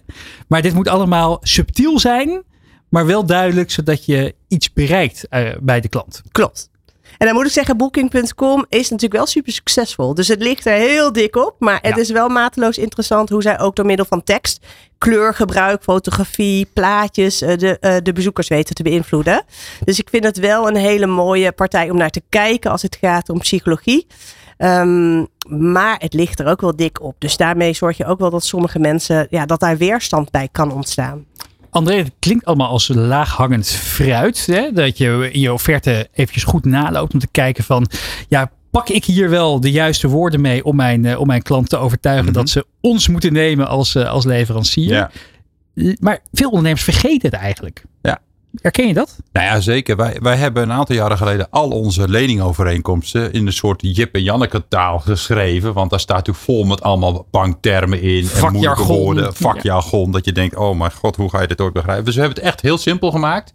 Het heeft enorm geholpen om duidelijkheid te verschaffen. Waar teken je nou voor? Ja. Hè? Dus daar doet taal ook al heel veel. Het leidt heel veel af, moeilijke woorden, ja. maar doet heel veel. Ja, dat woord niet heb ik altijd geleerd. Daar kan het brein niet ergens goed mee omgaan, toch? Ja, Uh, de nadruk gaat uiteindelijk uh, alles rond de boodschap van niet. Daar gaat de nadruk naar, naar uit. Dus we, we skippen dat woordje niet wel heel erg snel. Maar dat ligt er dus ook aan op welke manier je het inzet. Want in dat kader van verliestaal uh, weet ik dat een marketingpsycholoog dat heeft ge, ja, uitgeprobeerd met nieuwsbrieven van verrijk je kennis of mis deze kennis niet. Ja, haar conversie dan met 400% toe op het moment dat ze de verliestaal inzetten. dus het is net het moment dat je het inzet. in welke context. Ja, precies. Ja, wat voor toepassingen zijn hier nou voor te bedenken? Want ik kan me voorstellen dat je als ondernemer snel kijkt naar wat voor ja, je webpagina, wat, wat je, je online visitekaartje als het ware. We noemen net al eventjes de offerte. Misschien de e-mails die je stuurt naar klanten. Ja. Wat zijn nog meer plekken waar tekst een cruciale rol speelt voor veel ondernemers. Ja, nou, je noemt er al heel veel, denk ik. Uh, maar ik denk ook aan social media posts. Um, ook interne mails, bijvoorbeeld naar jouw medewerkers. Of ik noemde net even in het voorgesprek ook het voorbeeld van een schooldirecteur die wil zorgen dat mensen zich aan gaan sluiten bij de ouderraad. Ook zo een brief. Daarin kunnen deze magische woorden wel het verschil maken. Want het doel is uiteindelijk dat je mensen weet te overtuigen van de actie die jij wil dat zij gaan verrichten. Heb je een voorbeeld van een ondernemer die jij hebt geholpen of die je voorbij hebt zien komen waarvan je zegt, nou, die hebben dat heel erg goed in de vingers? Dat is een goede vraag, want het antwoord gaat denk ik zijn nee. Uh, want ik heb daar wel heel erg naar gekeken. En ik moet ook zeggen dat bij een flink aantal marketingmanagers uh, vandaag dit boek op de mat gaat vallen. Komt officieel morgen uit. Maar ik heb vandaag al een paar mensen die ik mag verrassen. En ik ben dus naar grote marketeers gaan kijken van gebruiken zij die magische woorden allemaal tot in de puntjes. En altijd vond ik nog wel ergens dat ze, dat ze het net op een betere manier zouden kunnen toepassen. En ik denk dat zelfs ik niet eens alle zeven magische woorden altijd goed gebruik. Mhm. Want het, is zo, het zijn zulke alledaagse woorden dat op het moment dat jij niet elk woordje in jouw tekst gaat, ja, gaat analyseren, kan je al snel scheef zitten. Nou ja, dus bij de loodgieter thuis lekt het ook. Dus het, is je, het, is je, het is je ook wel weer vergeven. Ik, ik, daag zeker ook iedereen uit om in het boek nog een keer een spelfout te gaan ontdekken. Die zal er ook in staan, ondanks dat we dat hebben geprobeerd te voorkomen. Heb je er verborgen spelfouten ingedaan nee, voor ons? Ik, ik, heb er wel één al ontdekt, maar ik ga dat niet uh, verklappen. Hey, um, Overigens staat het woord maar er 300 keer in. Is dat zo? Heb je dat, al, dat, heb je, dat heb je snel gelezen, Remy. Ja. Hey, maar, uh, de, de, maar, ja, je, maar. maar. inderdaad, dat is een, dus even een, een, haakje om even door te gaan in dit gesprek natuurlijk. Jij uh, richt je met die onderkop al heel erg op tekstschrijvers of marketeers. Feitelijk is elke zelfstandige ondernemer natuurlijk het, uh, is dat allebei. Want je bent soms je eigen tekstschrijver, je bent je eigen marketeer. Maar voor wat voor ondernemers is dit boek nog meer interessant? Um, kan je me nog even toelichten, je vraag? Nou, eh, want eh, kijk, als je zelfstandig bent, dan, dan ben je feitelijk alles wat jij zegt. Je bent tekstschrijver, je bent marketeer, je bent je eigen reclamebureau enzovoorts. Dus dan kan ik me voorstellen, is dit boek heel nuttig omdat je er hele praktische tips uit haalt. Maar um, bijvoorbeeld, je hebt een, uh, een bedrijf waar je al wat medewerkers hebt lopen. Is dat, voor wie is het dan interessant? ja, dan is het interessant voor je salesafdeling, voor je marketingafdeling, maar ook nog steeds voor jouzelf als ondernemer, mhm. omdat elke ondernemer of eigenlijk elk persoon heel veel communiceert. Um, en je kunt het ook trouwens gebruiken. Het is heel erg gericht op tekst, maar ook bijvoorbeeld tijdens uh, presentaties, pitches. Uh, dus op het moment dat jij je verhaal vertelt aan medewerkers, kun je ook die magische woorden inzetten in gesprekken. Hoe doe je dat? Volgens mij staat er ook een voorbeeld in dat uh, op het moment, stel je voor, hè, je moet een medewerker gaan ontslaan. Elke ondernemer gebeurt dat wel een keer. Het is mij in ieder geval wel eens gebeurd dat ik een contract niet kon verlengen. Dat je dan uh, bijvoorbeeld vertelt, als we het hebben over het magische woord maar ik verleng je contract niet, maar ik ben heel blij met de waarde die je afgelopen jaar hebt toegevoegd. Als je dat doet, dan blijft de tweede helft van die boodschap, de waarde die die persoon het afgelopen jaar heeft toegevoegd, die blijft beter hangen in het brein, waardoor het gesprek uiteindelijk een positievere wending heeft. Niemand gaat met een, of vrouw gaat met een ontzettend goed gevoel die uh, Niemand, gesprek uit. Maar in ieder geval iets beter dan dat je zou zeggen. Uh, je hebt veel waarde toegevoegd aan, uh, aan de organisatie het afgelopen jaar, maar ik verleng je contract niet. Dan komt dat toch zwaarder in het brein aan. Waar moet je nou beginnen? Want uh, ik denk dat iedereen heeft zoveel teksten van websites, e-mails, uh, contracten, offertes, uh, interne communicatie, WhatsAppjes, uh, LinkedIn posts, you name it. Waar zou je nou moeten beginnen? Waar, wat is er nou het eerste waarvan je zegt, ja, daar valt toch al gewoon heel veel winst te behalen?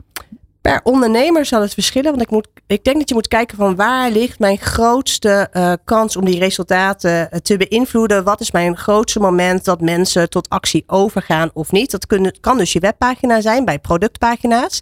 We hebben het een paar keer gehad over offertes. Het staat niet in het boek, maar ik wil iedereen oproepen. Het woord offerte, doe het niet. Want dat, dat veroorzaakt prijspijn in je brein. Um, um, noem het dan een voorstel. Uh, vraag je bij mij een offerte aan, dan wordt het een onweerstaanbaar voorstel, zoals ik het zelf noem. Uh, maar in offertes kan je hier ook een enorme slag mee slaan. Dus je moet voor jezelf, denk ik, kijken van wat is het moment dat, mijn, dat ik mijn doelgroep ultiem moet overtuigen. En die tekst als eerste aanpakken. Heel goed. Ik, ja, dat, ik zit nog even te denken naar, naar ons eigen vakgebied. Hè. Als je, als je mediaondernemer bent en je hebt de social media en zo. Het eerste woord uh, weet ik ook vanuit mijn werk voor bijvoorbeeld uh, de ondernemer en, en uh, AD.nl. Het eerste woord in een kop kan essentieel zijn. Als wij zeggen dreiging bijvoorbeeld, dan, dan denkt iedereen: oh wacht even, dit gaat mij aan. Als wij het woordje dreiging halverwege de kop zetten, is de conversie, hoe gek ook, dus veel lager. En dat is, nog een, dat is eigenlijk de vraag waar ik naartoe wil. Uh, uh, bij online mediakanalen zie je vaak dat er een koppentest wordt gebruikt. Hè? Een soort AB-test in welke kop is nu het meest effectief. In hoeverre zou je dat nou kunnen toepassen in, um, in je werk als ondernemer? En, en zou je daar dankzij technologie ook je lessen uit kunnen trekken? Het is weliswaar iets wat ver weg van je boek, maar ik ben toch benieuwd of je daar nou ja, kennis over hebt. Je kan natuurlijk zelf AB-testen doen. En ik doe dat soms. Ik ben inmiddels, uh, uh, ja, hoe noemen we dat? Zelfstandig ondernemer. In ieder geval, ik heb een bedrijf verkocht. Ik ben lekker alleen aan het werk. En ik verstuur elke week een mailing. En af en toe verstuur ik die mailing in, in twee bulken, om het maar zo te zeggen. Met ieder een aparte onderwerpregel. En dan kan je op vrij eenvoudig niveau, zonder dat je mega veel kosten maakt, kun je wel kijken van wat werkt nu beter en wat werkt nu ja, minder goed. Dus ook weer de data. Mooi. De data. Nou goed, over data, daar gaan we het ook over hebben in het tweede uur van de Ondernemer Live. Zometeen. Dan gaan we het ook hebben over de groeiambitie van credits en de financieringsbehoeften van ondernemers die maar blijft stijgen. Maar ook duurzaamheid. Onderwerp dat zeker aan bod gaat komen. We blikken vooruit naar de webwinkel vakdagen. We hebben een duurzame kinderfiets start-up, scale worden deur, bike flip. En uh, ja, we duiken in de data met de Data Dinsdag met Job van den Berg. Mis er niet. Tot zometeen. Van arbeidsmarkt tot groeikansen. Van bedrijfscultuur tot innovatie. De Ondernemer. Live. Elke dinsdag van 11 tot 1. Live op Nieuw Business Radio. Dit is Nieuw Business Radio. Van arbeidsmarkt tot groeikansen. Van bedrijfscultuur tot innovatie. De Ondernemer. Live. Elke dinsdag van 11 tot 1. Live op Nieuw Business Radio. Met Remy Gieling en Roland Tameling. Ja, ondernemers willen wel verduurzamen, maar hebben vaak geen geld. Zo blijkt het onderzoek van onder meer Credits en de Hogeschool Utrecht. Ja, wat gaan we daar aan doen? Dat bespreken we zo meteen. We blikken ook vooruit naar de webwinkel vakdagen. We hebben een duurzaam kinderfietsbedrijf hier voor de deur. Bikeflips. Ze staan al binnen. En uh, gaan we het ook hebben over het behouden van klanten in de Data Dinsdag. En hoop te bespreken, dus we gaan snel van start. Van arbeidsmarkt tot groeikansen. Van bedrijfscultuur tot innovatie. De Ondernemer. Live. Elke dinsdag van 11 tot 1. Live op Nieuw Business Radio. André, we beginnen het tweede uur van de Ondernemer Live altijd met een paar prikkelende stellingen. Die wij van jou als persoon, maar ook vanuit jouw rol als commercieel directeur van nou. Credits graag uh, willen horen. De duimschroeven gaan aan. Ben benieuwd. de overheid moet soepeler zijn met het kwijtschelden van coronaschulden.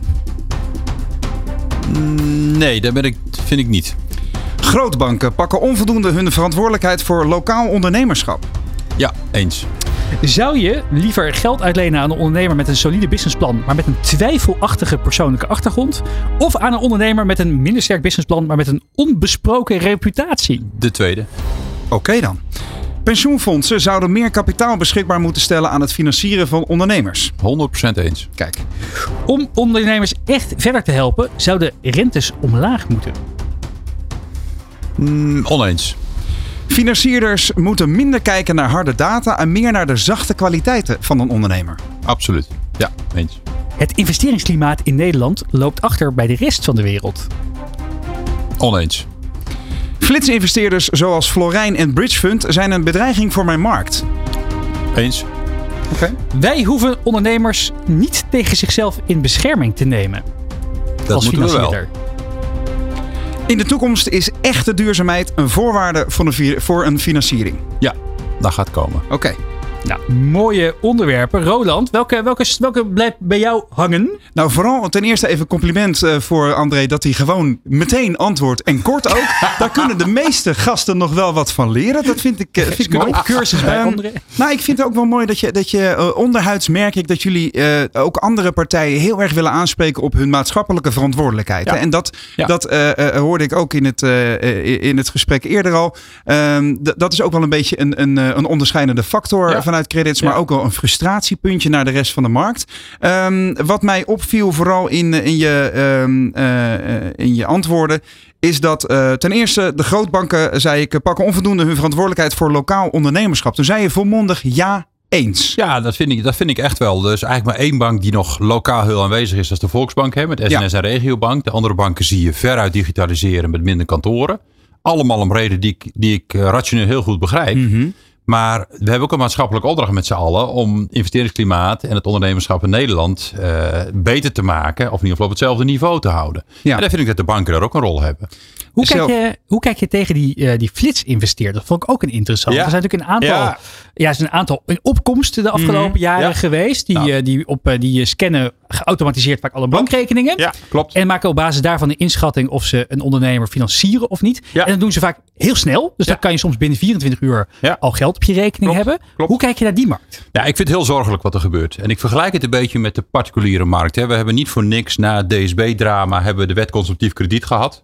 En die, die, die zorgt dat die particulier beschermd wordt tegen allerlei aanbieders die uh, uh, niet goed met hun belangen omgaan. Ja, hoor ik hier het woord woekerrentes? Ja, nou ja, dat mag je best zeggen. Er zitten, het zeker speelt daar ook woekerrentes mee. Dat geldt niet voor alle partijen, maar er zijn een aantal partijen in de markt die op dit moment. Ondernemers is een onbeschermde markt. Hè? Dus de financieren aan zakelijke ondernemers of aan, aan zakelijke kredieten. Ondernemers zijn vogelvrij, financieel Eigenlijk gezien. geen toezicht vanuit de Nederlandse bank of mm. vanuit de AFM. En dat baart ons wel zorgen, omdat wij heel erg geloven: je moet die ondernemer goed de screening heel goed en zorgvuldig doen, zodat je passend kunt financieren. Wat je ook al zei net, hè, je moet ondernemers ook tegen zichzelf in bescherming nemen. Ja, ja, ja. Dat, dat klinkt misschien een beetje belerend of paternalistisch, maar het is wel zo, omdat die ondernemers goed in zijn vak zijn vaak vakmensen en die hebben financieel minder onderlegd. Die gaan ook s'avonds met de laptop kijken, nou ik moet die bus vervangen, dat kost 15.000 euro. Tik, tik, tik. Ach, deze is lekker snel. Doe dat maar. Ja, ja. Maar vervolgens zie je dat je in een jaar moet aflossen. Bij veel van die flitskredietaanbieders. Rentes van 20, 30, soms 40 procent. Als je alle kosten erbij optelt. Ja.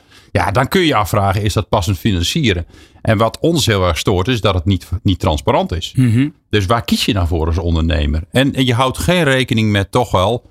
En het klinkt een beetje nogmaals uh, misschien wat negatief. Maar de financiële ongeletterdheid is in Nederland bij de particulier groot. Maar die particulier is vervolgens ook ZZP'er of ondernemer. Ja, hè? ja want je zou je... kunnen zeggen, er, er zijn natuurlijk heel veel, um, heel veel uh, lessen geleerd in het verleden. Ja. Van ja. uh, wij, wij uh, geld lenen kost geld. Dat instartje hoor je in elke radioreclame. Ja, klopt, klopt. Niet voor niets, want mensen gaan daarmee op hun, op hun giegel. In hoeverre zie jij dat die flitsinvesteerders daadwerkelijk um, hun verantwoordelijkheid nemen en of daarop gewezen nou ja, worden? Kijk, er is een stichting MKB-financiering in Nederland. Hè? Ja. Dat is een stichting daar, daar zijn we ook bij aangesloten. Ben je erkend financier. Dan ga je door een audit heen waar gekeken wordt naar transparantie. Passend financieren. Is je organisatie stabiel? Dat soort dingen allemaal. Die wordt ook ondersteund door het ministerie van Economische Zaken. Omdat we het belangrijk vinden dat alle alternatief financiers het op een nette manier doen. Nou ja, de namen die jij net noemt zijn daar geen erkend financier. En ik hoop dat ze uiteindelijk de stap gaan nemen dat ze het wel kunnen worden. Maar dat betekent dat ze zich moeten conformeren aan diverse criteria. Wat zou je ze ook, zou niet ook met ze juist kunnen optrekken? Want ik denk dat wat ze ook weer bijdragen, het feit dat ondernemers op een hele ja, toegankelijke manier in Ja. elk geval Ja. hè, snel aan een eh, aan krediet kunnen komen. Ja. Dus ook wel weer past bij in ieder geval dat daar vraag voor is in de markt. Ja, alleen snelheid wordt ook een beetje overrated. Naar mijn gevoel. 24, 48 uur. Laten we heel eerlijk zijn. De ondernemers die echt op die snelheid nodig hebben om een keuzes te maken. Kun je afvragen, wat is de drijfveer achter die snelheid? En bij ons kan het ook met vijf dagen. Alleen we kiezen ervoor om het niet online met alleen maar data te doen in 24 uur. Omdat wij vinden dat we dat gesprek willen doen. En we het niet alleen over geld willen hebben, maar ook over een stukje begeleiding. Dus ja, weet je, eh, ja, samen optrekken zou kunnen. Je zou kunnen zeggen, de snelheid is heel belangrijk. Ja, daar doen wij ook aan mee. Alleen wij geloven in de zorgvuldigheid, passend financieren. En ga nou eens kijken wie er tegenover je zit. Ja. Ieder kwartaal voor jullie is in samenwerking met de Hogeschool Utrecht en ondernemersorganisatie ONL, onder meer van Hans Biesheuvel. We hebben hem hier vaak in de uitzending gehad. Het, um, het uh, bepaalde onderzoek, het heet het Kleinbedrijf Index. Ja. Um, daaruit komen altijd interessante feitjes. En wat ik me opviel van de meest recente, en dat staat ook op jullie site, is dat ondernemers willen wel verduurzamen, maar hebben vaak geen geld Ja. hiervoor. Wat, Ja. wat, wat, eh, wat bleek er uit dat meest recente onderzoek? Ja, we hebben dus uitgevraagd bij, eh, bij die doelgroep van... nou, zou je willen investeren in duurzaamheid? Dan zegt ruim 60% ja, dat zou ik willen. Maar als je dan doorvraagt, wat houd je tegen? Ik heb de middelen, middelen niet voor. Zie je met name de horeca, detailhandel. Die hebben natuurlijk corona achter de rug. Weinig vlees meer, eh, vet meer op de botten. Ja. Dus om dan nog te kunnen investeren in isolatie, warmtepomp, eh, HR3 plus, gra- glas, noem maar op. Ja, dat is gewoon niet meer te doen. Dus die willen wel, maar die hebben de middelen niet meer. En komen ze dan ook bij credits aankloppen? Ja, dat financieren we ook gewoon. Hè. Dat helpen we ze ook mee. Alleen eh, wat wij hebben, eh, wat we belangrijk vinden, is dat die relatief energie- of kostenneutraal kan verduurzamen. Want dan ga je echt meters maken in het kleine MKB. Ja, want het lastige is natuurlijk nu dat als je een lening afsluit, ook bij credits, dan betaal je misschien 7, 8 procent. nou ja, rente. 9%, 9,75 hè, voor het microkrediet. Weet en dan je, moet het dat, dat HR plus glas of inderdaad die zonnepanelen, moeten het wel weer direct het zijn opleveren. investeringen die niet direct rendement in de onderneming opleveren. Die heb je wel nodig. eh, Mhm. je rentelasten wel. te kunnen Hè, Je dekken. kunt je kosten daarmee verlagen. Hè. De energieprijs is fors gestegen. Alleen ja, nogmaals, die balansen zijn allemaal niet zo sterk. Dus je moet ze wel een eh, steuntje in de rug geven. En daarom hebben wij een pleidooi, dat ligt ook in Den Haag bij de regering, om de, eh, dat kleinere MKB te helpen met die energietransitie. Ja, help ze dan met lage rentende leningen, met, met prima voorwaarden, eh, zodat ze toch die zonnepanelen, isolatie kunnen gaan doen, zonder dat het gelijk effect heeft op een businessmodel. Ja, specifiek met de provincie Overijssel hebben jullie daar ook een samenwerking mee. Hoe, Mhm. Ja. zit die, hoe zit die in elkaar? Nou, dat is wel heel mooi. Hè? Dus parallel aan het verhaal wat in Den Haag ligt, ligt daar nog steeds. Hebben we met de provincie Overijssel een MKB duurzaamheidslening in de markt gezet. Voor ondernemers uit die provincie. Die kunnen tot 50.000 euro lenen tegen 2,5%. En dat is mede mogelijk gemaakt door een stuk subsidie van de provincie. Waarmee die rente zo laag kan worden. En dat is natuurlijk perfect voor heel veel ondernemers die toch iets willen doen aan het verduurzamen van hun pand of misschien Ja. hun onderneming. Of misschien Elektrische bedrijfsbus, Ja. elektrische eh, scooters zien we al langskomen. Dat maar hoe duurzaam is zo'n aanpak? Want wa- wat je vaak hoort is, we hebben vaak hele goede initiatieven. Die lopen dan een paar maanden. Hetzelfde geldt voor de subsidie voor elektrische auto's. Ja. eh, Bijtellingsbeleid in Nederland. Ga zo maar door. Ehm, eh, eh, er zijn vaak hele mooie pieken. En die vallen dan toch op de lange termijn niet vol te houden. Waardoor het effect op lange termijn ook wordt verminderd. Ja, maar daarom moet je, je moet lange termijn visie hebben met zo'n zo'n oplossing. Zo'n Ja. product moet je niet voor een halfjaartje in de markt zetten. Dat moet gewoon langjarig beschikbaar zijn. En je moet het slim combineren met subsidies. Nadeel van die subsidies is, je moet het eerst zelf financieren voordat Ja. je de subsidie kan aanvragen. Hè? De Ja. ISDE, noem ze maar op. Dus, dus ik, ik geloof heel erg in die combinatie. Dit moet een instrument zijn wat langjarig voor het kleine MKB, voor het MKB beschikbaar is. Met laag rente de lening, goede voorwaarden. En daarnaast, als je dat hebt gedaan, kun je de subsidie eraan koppelen. Een ander iets wat uit het meest recente klein index, kleinbedrijfindex eh, eh, ple- eh, komt, is dat steeds meer ondernemers overwegen te stoppen met Ja. hun bedrijf. En de meest recente cijfers 7,4 procent. Dat gaat over misschien wel meer dan 100.000 ondernemers. Ja, maar dat is significant nog niet meer als de afgelopen kwartalen. Waar je wel een significant verschil ziet, is in de horeca bijvoorbeeld. En dat zien wij ook bij credits. We zien meer dan, eh, dan voor corona, meer ondernemers die echt er alles aan gedaan hebben. Zeggen, joh, ik krijg het gewoon niet van de grond. Voordat ik me nog dieper in de schulden steek, dan stop ik ermee. Ook die, die, die energie, eh, die Ja. batterij is op een gegeven moment gewoon helemaal leeg, Nou denk ja, ik. Ja. En, en ook die, die grondstofprijzen bijvoorbeeld. Hè? Ondernemers die het niet meer over hun hart kunnen verkrijgen om 4 euro voor een biertje te vragen. Nou, dat- maar eens wat te eh, dat, dat zijn allemaal externe factoren die die mensen ook volgens mij constant gaten in hun, wat- in hun zeilen schieten. wat dacht je 4 van euro voor een biertje, dat krijg je in 10%? Utrecht niet meer hoor. Roland. Ja, ik kom uit veel mindere de- dure delen van het land. Maar, Nee, maar dat is helemaal waar. Plus, die huur die gaat nog eens 10% omhoog hè, bij de volgende... Ja, dus- dus- Personeelsproblemen. Nou, vergeet die niet. Dus er zijn best wel eh, goede argumenten waarop een ondernemer zegt: Ja, weet je, ik, ik stop er nu, maar nu kan ik nog stoppen. Hoe, ja, hoe helpen jullie daarbij? Want ik kan me Ja. voorstellen dat, dat je, ja, je wil wel inderdaad dat, dat die lening in elk geval wordt terugbetaald. Ja, klopt. Maar je wil ze daar wel in ondersteunen. Hoe doe je dat? Nou, wij doen heel vaak, wij hebben een pool van zo'n 600 vrijwillige coaches. Dat zijn vrijwilligers, veel ondernemers die onze klanten helpen. echte klankborders, zo ja, gezegd. echte hè? klankborden, Ja. sparringspartner. En dan gaat het vaak hier ook over. Van, joh, wat is je toekomst? Wat is je plan? Is dit nou een real- realistisch pad? Want stoppen is natuurlijk best een lastige beslissing. Ja. Van nature gaan die ondernemers langer door dan goed voor ze zou zijn. Hè? is ook best wel een emotioneel besluit. Emotioneel, dus daar heeft zowel die Ego coach... speelt misschien ook wel een beetje Zeker. mee. Ja. Ja, dus, dus die coach, onze eigen adviseurs, die hebben veel contact met die klanten. En die zien natuurlijk ook dat het moeizaam gaat. En dan op een gegeven moment is, is soms... Dat, dat is wel eens een harde boodschap. Maar wel te zeggen, joh, doe je nou verstandig aan. Je kunt nu nog stoppen. En wat we dan vaak doen, dan maken we een betalingsregeling om die lening af te lossen. We hebben iemand in het zuiden gehad, dat was wel een mooi voorbeeld. Die heeft uh, na tien jaar de laatste termijn betaald van de lening. En dat Hm. doen we veel liever dan het deurwaarde naartoe sturen of wat dan ook. Dan duurt het maar tien jaar. Ja, zo so be it. Ja, Nou, ook over- dat vertrouwen. Mag ik nog één vraag stellen over die stellingen, Remy? Hebben we Ja. daar nog een minuut voor? Zeker. Ja. Ik wil eh, nog graag even wat weten over een heel resoluut antwoord dat je, dat je gaf, eh, eh, André, op de, op de stelling. Financierders moeten minder kijken naar harde data en meer naar de zachte kwaliteiten van de ondernemer. Dat past natuurlijk in jullie hele aanpak hè, van die Ja. menselijke benadering. Ja. Daar zei je op absoluut. Je, Nou ja, je sloeg nog net niet op de desk. Bijna niet, hè? Nee, maar weet je waarom? het- Wij zien heel veel digitale leenstraten ontstaan. Ja. Daar moet je je cijfertjes in stoppen en dan gooi je. eh, dat is een soort computer says no proces ontstaat er. Hè? Ja. En als je ergens op een, een van die boxen, je solvabiliteit is misschien maar 15%. Hup, te laag. En dan komt die op rood. Ja. En dan denk ik echt, kijk nou eens even verder. Ga nou eens iets verder kijken dan alleen dat cijfertje. Ja. En dan zie je dat de privé een enorme overwaarde in de woning zit. Partner heeft goed inkomen. Dat ik echt denk, hoezo financier je dit niet? Dus eigenlijk is de les kijk eens wat verder dan de neus lang Ja, is. Dat. Ja. Precies dat. En, en nog één eh, wa- waar ik net op wilde aansturen. Ook de, de, je, je, je komt zelf uit de wereld van de Rabobank. Ja. Hè? Die, had, Ja. die had voorheen dat imago founded by farmers. Hè? Dat Ja. kennen we allemaal nog. Ook dat, dat juist dat ge- gevoel van dicht bij de, de echte Nederlander. Waar is dat dan weggegaan? Eh, wa- wa- waarom zijn, hebben zij zich teruggetrokken bijvoorbeeld ook uit, uit de dorpskernen van Nederland? Hè? Dat is volgens mij een fundamenteel denkprobleem of denkfout in het systeem. Maar is dat niet een beetje ook het kapitalistische systeem? Klopt. Hè? Kijk, ik ben ooit bij die Rabo begonnen omdat het een coöperatie is. Ja. Dicht in zo'n dorp. We deden daar met zes mannen. Kennen we al die ondernemers. Dat was een fantastische tijd.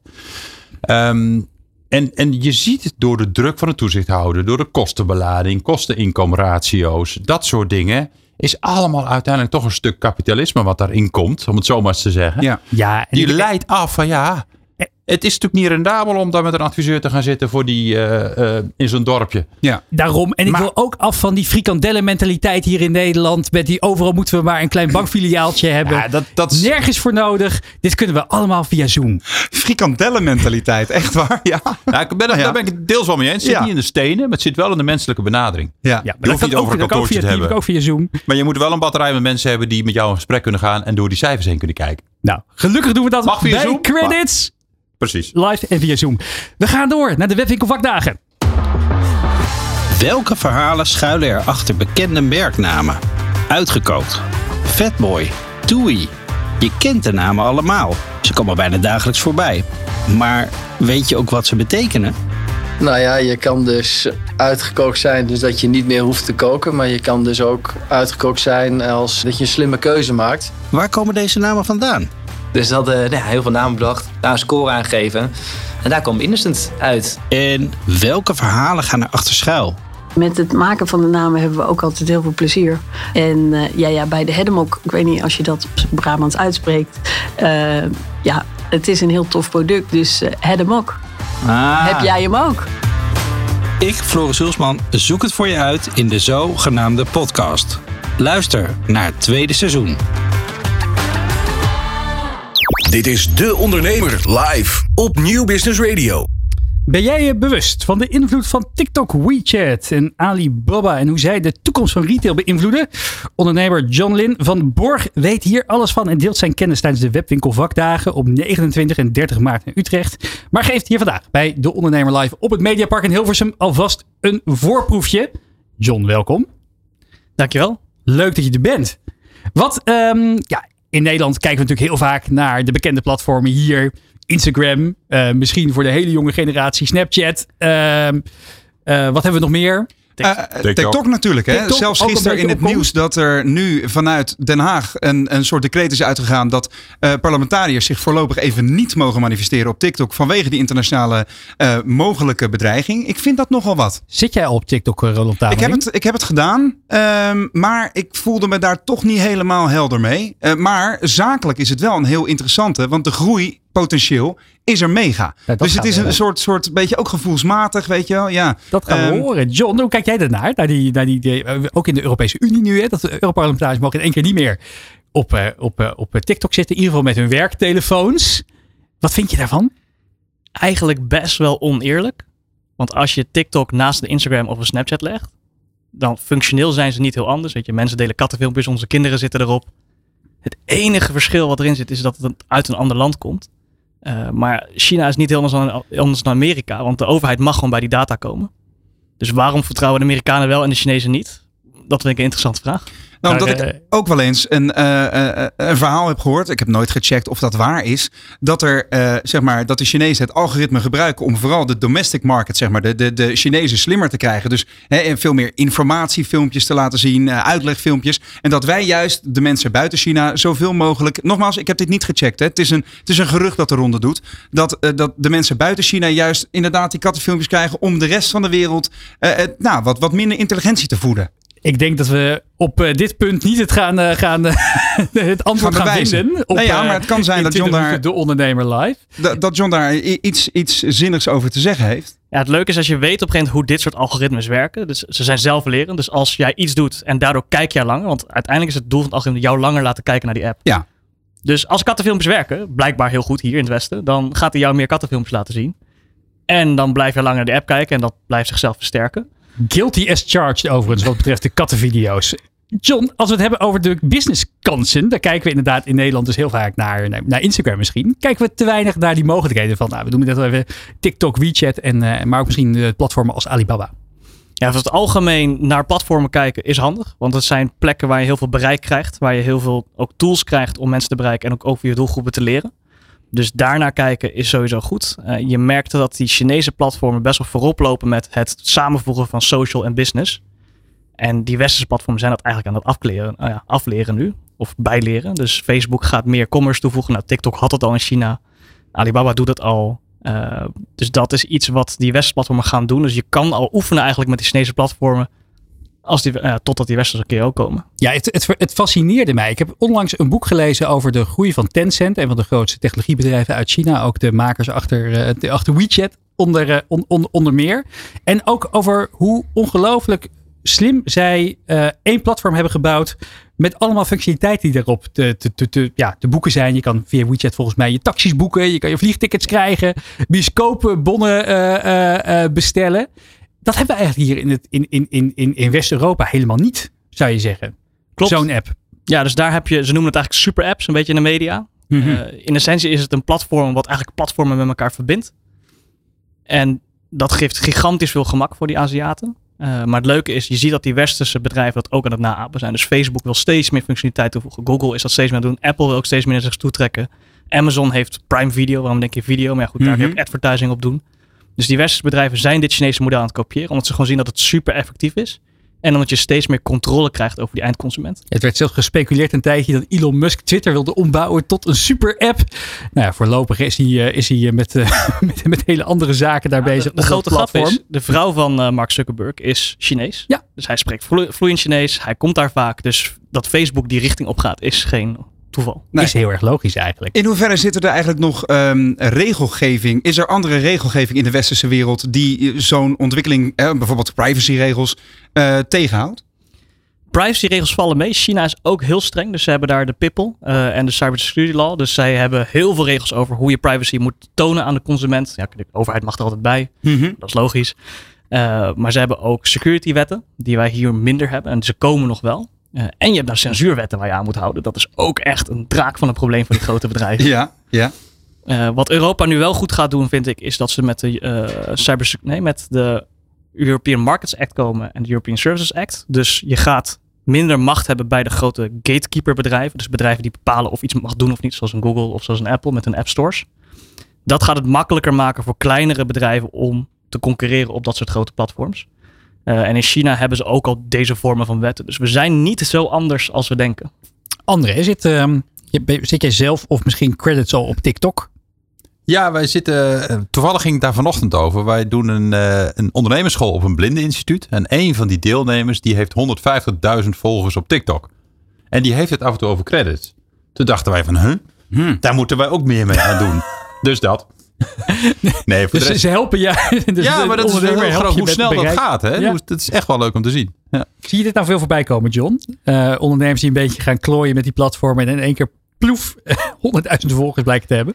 Ja, zeker. Dus uiteindelijk is het gewoon een manier om bereik te creëren. En het is gewoon een alternatief naast al je andere marketingactiviteiten. Dus het is gewoon experimenteren welke doelgroep zit waar op welk platform. En dat gewoon testen. En daarmee. eh Want business ik denk dat veel ondernemers die kijken of luisteren inderdaad het kennen van misschien hun kinderen die daarop zitten en- het, gelijk associëren met ja, gekke dansjes die worden gedaan of, eh, of, of liedjes die worden nagezongen. Maar er, zit ook wel een heel serieus e-commerce platform achter, toch? Ja, dus in China he- heet het Douyin. En daar heb je Douyin Pay, dus een eigen betaalfunctie. En het hele e-commerce stuk. Dus je kan vanuit een filmpje van een, iemand die een telefoon promoot gelijk die telefoon kopen. Hebben ze geprobeerd in Engeland met TikTok. Daar lukt het nog niet. En hier in Europa zijn ze ook nog terughoudend om zeg maar TikTok Pay en TikTok e-commerce te lanceren. Eh, mijn eigen hypothese is dat er nog te veel jongeren op zitten die nog geen geld verdienen. Mhm. Maar over vijf jaar, als die groep ook geld verdient, ja, die, zit, die blijven op TikTok hangen, dan kunnen ze ineens wel geld uitgeven om dingen te kopen. En als we de, de cirkel eens rond, eh, rondpraten na die eh, webwinkel vakdagen. Hè? Je, je gaat daar binnenkort eh, je, je verhaal vertellen onder de, de, de titel We zijn ingehaald door China. Het wordt tijd dat we ze gaan kopiëren. Om het concreet te maken, voor wat voor type ondernemers ga jij je verhaal vertellen en wat gaan ze daar exact van jou leren? Ja, dus het leuke is, China heeft ons altijd gekopieerd. Ja. En een van die dingen waar ze heel goed in zijn, is het kopiëren en het daarna door innoveren. Dus welke dingen moeten wij gewoon accepteren, lopen ze in voor, moeten we overnemen. Dus op het gebied van platform, social en hoe je marketing doet.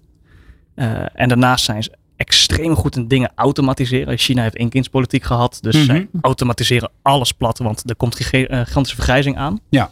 Dus ook van, hey, hoe kunnen we met een goede lange termijn visie kijken naar hoe run je je techbedrijf of je e-commerce business. En nummer twee, wat moet je allemaal gaan automatiseren om juist tijd over te houden om de klant blij te maken. Wat is, wat is jouw, jouw ehm, eh, grootste ontdekking in jouw eigen functioneren op dat vlak? Wat, heb jij, eh, wat gebruik jij waardoor je echt, nou, nou, dit maakt mijn werk zoveel makkelijker? Qua automatiseren? Ja. Je hebt vast iets zelf al toegepast. Eh, ja, de kleine dingen vooral. Boekhouding, hoofdpijn. Zorg ervoor dat je dat, gewoon dat je daar geen tijd kwijt aan En bent. zo is nog een cirkel rond. Ja. Eh, nou, het grappige is, ik heb zelf nog niet op dat punt gekomen, maar financiering. Eh, in mijn Bob.com tijd hebben we ook gekeken van hey, hoe kan je met behulp van data die ergens al ligt, een financieringsaanvraag zo makkelijk mogelijk maken. Ja, dus, ja, het scheelt voor een ondernemer dat je in plaats van dagen nodig hebt, dat je het binnen een minuut gewoon gedaan hebt, omdat die datalinks er al liggen. Mhm. Eh, dus dat soort zaken die, waar je gewoon geen tijd aan kwijt wilt zijn. Als je als ondernemer nou gaat kijken naar ehm, misschien toch dat je ook met een schuin oog een keertje gaat kijken wat die mogelijkheden van zo'n TikTok-platform nou zijn. Hoe, waar moet je beginnen? Maak een filmpje. Probeer het. Probeer daar te verkopen. En link daar naartoe. Eh, het leuke is van de huidige staat van, volgens mij waar die social wereld in zit, is het delen van kennis. Probeer ik nu ook zelf toe te passen voor het spreken wat ik doe. Juist gewoon die kennis delen. In plaats van waar de vorige generatie dacht, hou die kennis bij je. Zet dat gewoon online. Zet dat in die filmpjes en dat wordt gedeeld. Dat wordt geliked. Maar dat creëert heel veel bereik. En volgens mij is er ook geen branche waar het credo doen, doen, doen eh, eh, meer van toepassing is dan deze branche. Hè? Het is echt hoe meer je zichtbaar bent, hoe meer je doet, hoe meer je laat zien en hoe meer je je expertise deelt, hoe harder het ga- gaat lopen. Nou ja, zeker. En ik, ik moet zeggen, die bedrijven daarachter zijn fascinerend. We, we kijken natuurlijk als Nederland heel vaak naar alle techgiganten uit Amerika. Maar ook met het boek van Tencent. Als je kijkt wat voor strategieën daarachter schuil gaan. Wat voor talent. Maar ook wat voor arbeidsethos. Ze hebben daar de 699. Ja, 699. Ja, eh, eh, eh, factor. Zes dagen in de week, van 9 uur s ochtends tot 9 uur s avonds werken. Nou, geen wonder dat we vaak links of rechtsom worden ingehaald door, eh, door de Chinese giganten. Goed om in de gaten te houden. John, jij gaat jouw verhaal delen op de webwinkel Vakdagen op 29 en 30 maart in Utrecht. Dus wil je daar meer over weten, schrijf je dan in voor die webwinkel Vakdagen eh, op de site. En eh, dan gaan we jou heel graag blijven volgen. Dank voor je komst hier vandaag naar de studio. Ja, dankjewel. Selfmade in Holland. Van webhelden en de ondernemer, powered bij Adyen en Klarna. Je hebt het gemaakt met je zaak. En nu, luister en leer van de eigenaren van My Jewelry, Ticketswap en Fabienne Chapeau. Elke dinsdag bij Nieuw Business Radio. Meekijken? Ga naar de ondernemer op YouTube. Meer weten? Ga naar webhelden.nl. De Ondernemer. Live op Nieuw Business Radio. Ja, en van TikTok, WeChat, Alibaba, die Chinese tech-giganten, gaan we gewoon verder praten over ondernemerschap en financiering hier in Nederland. Want André, jij bent van het bedrijf Credits. Jullie financieren al uh, ja, sinds jaar en dag startende ondernemers. Ja. ondernemers met een groeiambitie. En wat mij ook opviel uit jullie onderzoek recent, is dat daarin stond dat die kapitaalbehoefte bij het MKB eigenlijk best wel flink aan het groeien is geweest de afgelopen jaren. Waar komt dat door? Ja, dat zag je ook recent in de conjunctuurmonitor van mm -hmm. onder andere KVK-onderzoek. Uh, dat heeft denk ik een paar redenen. We hebben natuurlijk langjarig gewoon groei gezien. Dus als je groei hebt in de economie, dan zie je meer investeringen, dus meer financieringsbehoeften. Uh, op de afgelopen periode heb je iets meer werkkapitaalbehoeften gekregen. Corona-lockdowns, stijgende kosten, hè, dus stijgende inkoopprijzen. Dat moet je voor financieren. Dus het heeft combinatie korte termijn te maken met waar we nu in zitten. Maar de lange termijn is gewoon economische groei. Hoe werkt dat als een ondernemer bij jullie aanklopt uh, met een financieringsbehoefte? Mhm. Hoe bepalen jullie dan op wat voor basis en wat voor cijfers? En, maar goed, ook misschien, we hadden het eerder in de uitzending ook over die gut feeling. Ja, ja. Of een ondernemer wel of niet gefinancierd kan worden. Ja, wij, wij kijken Natuurlijk, wat ik al eerder zei, we gaan met die ondernemer in gesprek. Daarnaast kijken we gewoon met de cijfers die er zijn, of het businessplan wat je gemaakt heeft, het ondernemingsplan, berekenen wij een taakstelling, heet dat. Dus dat wil eigenlijk zeggen, we stoppen daar de kosten van de lening in, levensonderhoud, alle kosten die erin horen. En dan gaan we kijken wat voor minimale omzet moet hij nou draaien om alles te kunnen betalen, om break-even te kunnen draaien. Dan weet je ongeveer waar moet je minimaal naartoe. Ja. Dus we, en dat combineren we heel erg met de persoon erbij. Hè? Maar het is zeker ook een, een doorrekening van, joh, is het nou passend? Hè? Kan die die lening eh, terugbetalen en uh, zet hem daarmee niet klem? Dus we doen en dat persoonlijke, maar zeker ook die financiële analyse. Alleen je kunt je voorstellen voor een eenmanszaak van 10.000 euro is die wat minder complex dan dat je een overname hebt van 2 ton. Als je kijkt naar de ondernemers die de aanvragen doen, niet altijd wordt die natuurlijk gehonoreerd. Ik kan me voorstellen dat daar ook veel emotie bij komt kijken. Dat ondernemers zich gekrenkt voelen in hun ondernemerschap. Hoe, uh, hoe, hoe, hoe doe je de mentale nazorg op dat vlak? Ja, voor de ondernemer of voor onze mensen? Ja, Allebei misschien af en toe. Ja. ja. Ja. nee, je krijgt wel eens wat aan je hoofd geslingerd. Nou, ik moet zeggen, over het algemeen eh, hebben wij al een streepje voor, omdat wij dat gesprek aangaan. En we leggen uit waarom iets wel of waarom iets niet, nou, waarom iets niet kan in dat geval. En soms eh, zeggen we ook van, joh, dit plan wat er nu gaat, halen we ook voorbeelden bij, is gewoon niet realistisch. Moet je niet aan beginnen, we zouden het je sterk afraden. Wij gaan het in ieder geval niet financieren. Maar ook al kun je het bij je familie krijgen, zou ik het nog niet doen, zeg maar. Hè? Ja. En als je dat goed uitlegt met argumenten en je kunt het ook inzichtelijk maken, dan krijg je heel veel begrip. Maar heel af en toe is er iemand die gaat door het plafond, want die is het gewoon absoluut niet mee eens. Want die ziet gewoon uh, gouden bergen en die wil. Zit er, dan, zit er dan ook nog een factor in dat jullie toch proberen het levensvatbaar te krijgen? Ja. Ja. Hoe, hoe gaat dat in nou ja, dat, Wat je heel vaak ziet is dat het eerste plan is, is gewoon, klopt gewoon niet, zeg maar. Hè? Nee. Dan zeggen we, joh, ga er nog eens opnieuw mee aan de slag. Ik heb ook een coach voor je, die kan je helpen. Terug naar de tekentafel. Of terug naar de tekentafel en dan komen ze in de rebound. We hebben klanten komen naar vier keer bij ons en doen ja. het nog. Ja. Dan, dat kan. Je kunt net zo vaak komen als je, als je wil. Alleen ja, als jij uh, vijf keer komt met iedere keer een totaal ander plan, dan gaat de geloofwaardigheid wel wat minder natuurlijk. En dat is, dat is wat ik net ook probeerde te zeggen. Het is best wel uitdagend als ondernemer om een goed plan te maken en het uit te voeren. Mhm. uh, maar met onze feedback en onze ervaring zien we vaak dat hij in de rebound komt en dat we dan wel kunnen doen. En dat is wel gaaf natuurlijk. Wat ik wel schrikbarend vond, is dat er staat uit het onderzoek dat bijna 60% van de ondernemers niet of nauwelijks kan rondkomen. Ja, 40% zit onder het minimumloon qua inkomen. En dat, dat is zeker schrikbarend. En dat zie je natuurlijk in die startfase heel veel. Um, wat je wel uh, in de ogenschouw moet nemen is dat er daarnaast... Kijk, heel bewust zien ondernemers gaan met minimale privéonttrekking gaan ze starten. Dus die hebben nog wat geld achter de hand of een partner met nog wat inkomen. Maar het is natuurlijk een feit dat voor heel veel ZZP'ers kunnen eigenlijk maar niet of amper overleven. En die zit ook in onze doelgroep. Dat is best wel zorgelijk natuurlijk. Want niet iedere ZZP'er doet dat vanuit ondernemerschap. Maar soms ook omdat hij geen andere keuze heeft. En daar, daar moet je wel heel alert op zijn. Ja, Lex van Tevelen, uh, lector aan de Hogeschool Utrecht, die dit onderzoek mede met jullie uitvoert. Ja. Die heeft ook al eens gezegd dat er gewoon heel veel ja, ondernemers economisch eigenlijk ja, economisch failliet zijn, bijna zouden kunnen zeggen. Ze zijn in ieder geval niet economisch rendabel. Ja. Hoe proberen jullie daarbij te helpen om ondernemers dan misschien toch te adviseren? Nou, misschien is dit gewoon niet de juiste route. Ja, nou ja, een beetje wat ik net al zei. Dat doe je in die. In, kijk, op het moment dat ze bij ons komen voor die eerste financiering, dan kunnen we dat prima met ze bespreken. Maar wat je ook wel ziet, dan zijn ze bij ons eenmaal gefinancierd. En dan loopt het toch niet zoals ze gedacht hebben. Ja, dan doen we heel vaak proberen met een uitstelaflossing, verlaging van de maandtermijn, toch te kijken of je ze erheen kan trekken. Hè? Dat is wat we heel veel doen. Ja, soms heeft het wel tijd nodig. Soms heeft tijd nodig. Soms proberen we daar, gaan nog eens goed praten met een, met een accountant of een boekhouder. Heb je de fiscale mogelijkheden gebruikt? Dat, dat wel. Maar ja, niet altijd lukt dat. Ja, nee, dat klopt. Hoe kunnen we daar misschien met z'n allen wat meer waakzaam voor zijn? Want ook hier bij de Ondernemer Live hebben we veel ondernemers, ook veel succesverhalen. Ja. Mensen die, ja, die hebben natuurlijk een hele route afgelegd. Dus van de diepe dalen, maar ook vaak hoge pieken. Ja. Nou, daarom komen ze aan de desk uiteindelijk om daar die lessen te delen. Ja. Maar dat is natuurlijk het puntje van de ijsberg. Hoe kunnen wij met z'n allen misschien wat meer waakzaam zijn voor het feit dat, ja, dat, dat, dat, dat we niet alleen maar in die Hosanna-mode zitten.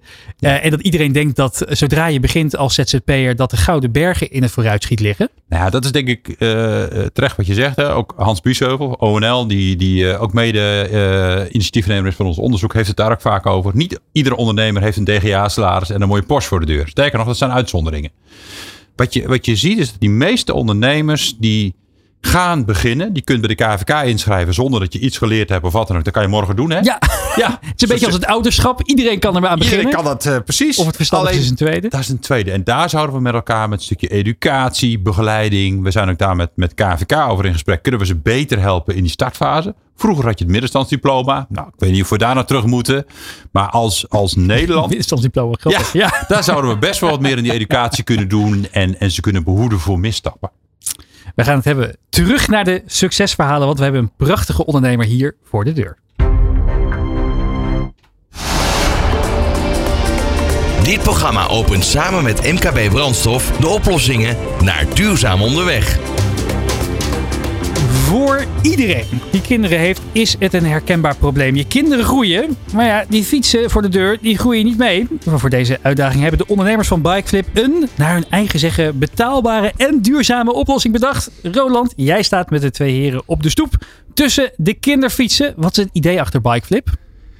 Sterker nog, ik heb mijn eigen kinderfiets meegenomen. Nee, dat mocht ik willen. Hier heb ik echt nooit op gepast, denk ik.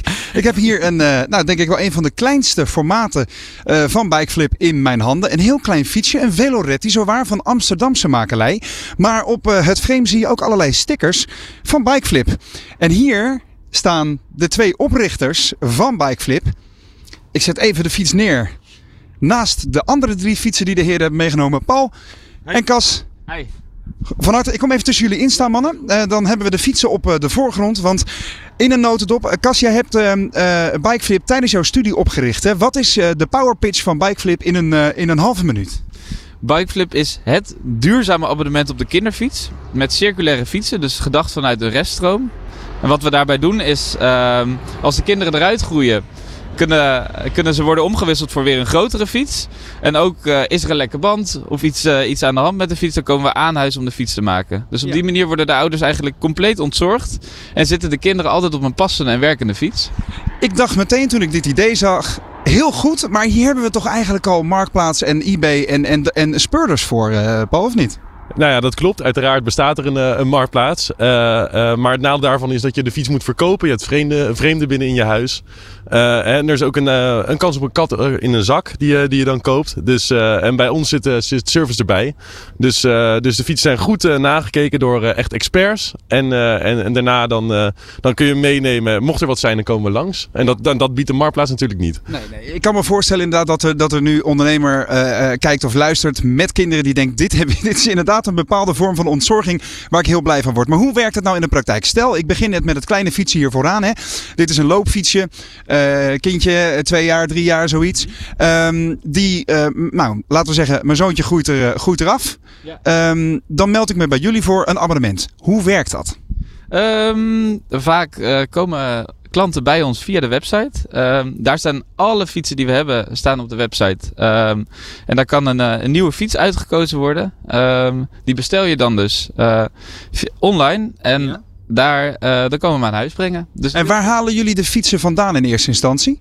De fietsen komen overal vandaan. Want Nederland is echt eh, het fietsland eh, van de wereld, denk ik wel. Maar je vist er niet uit de Amsterdamse grachten, neem ik aan, toch? Nee, nee dat, eh, dat, we zijn nog niet met een magneet in de weer. Ehm, maar we hebben goede partnerships met kringloopwinkels, waar heel veel wordt aangebracht. via de depots, via leveranciers. En ook gewoon een heleboel fietsen worden gedoneerd bij ons van mensen waar de fietsen in de weg staan in de schuur. Omdat dat toch via Marktplaats niet zo goed verkoopt. Omdat dat toch uh, gedoe is. Mensen komen niet opdagen. Dus uh, op die manier komen ze bij ons terecht. Wij upcyclen ze en, uh, en, maken er weer mooie fietsen van waar kinderen fijn op kunnen fietsen. Dat upcyclen, wat houdt dat in in jullie, in jullie woorden, Paul? Nou, je moet je voorstellen, we zijn een soort uh, milieustraat voor de kinderfiets. Dus uh, fietsen komen bij ons binnen. Nou, Kasparis zegt net, uh, we halen ze nog net niet uit de, uit de, gracht. Maar soms komen ze binnen en dan hangt, hangt er nog algen aan. En, en, en, en nou, dan zijn ze echt uit de struik gevist. Ja. dan worden ze helemaal uit elkaar gehaald. dan gaat het frame, wordt tegenwoordig gepoedercoat. Dat kun je hier voorzien. Dus die voorste... Ja, laat het gerust zien. Want je, je, wijst nu naar de fietsen. Welke... Oh, dit is het... Gepoedercoat. Ja. dus het gaat om deze groene fiets en de, en de blauwe fiets. Uh, dus dat is eigenlijk het, het, nieuwste van het nieuwste. Uh, fietsen worden vaak gelakt.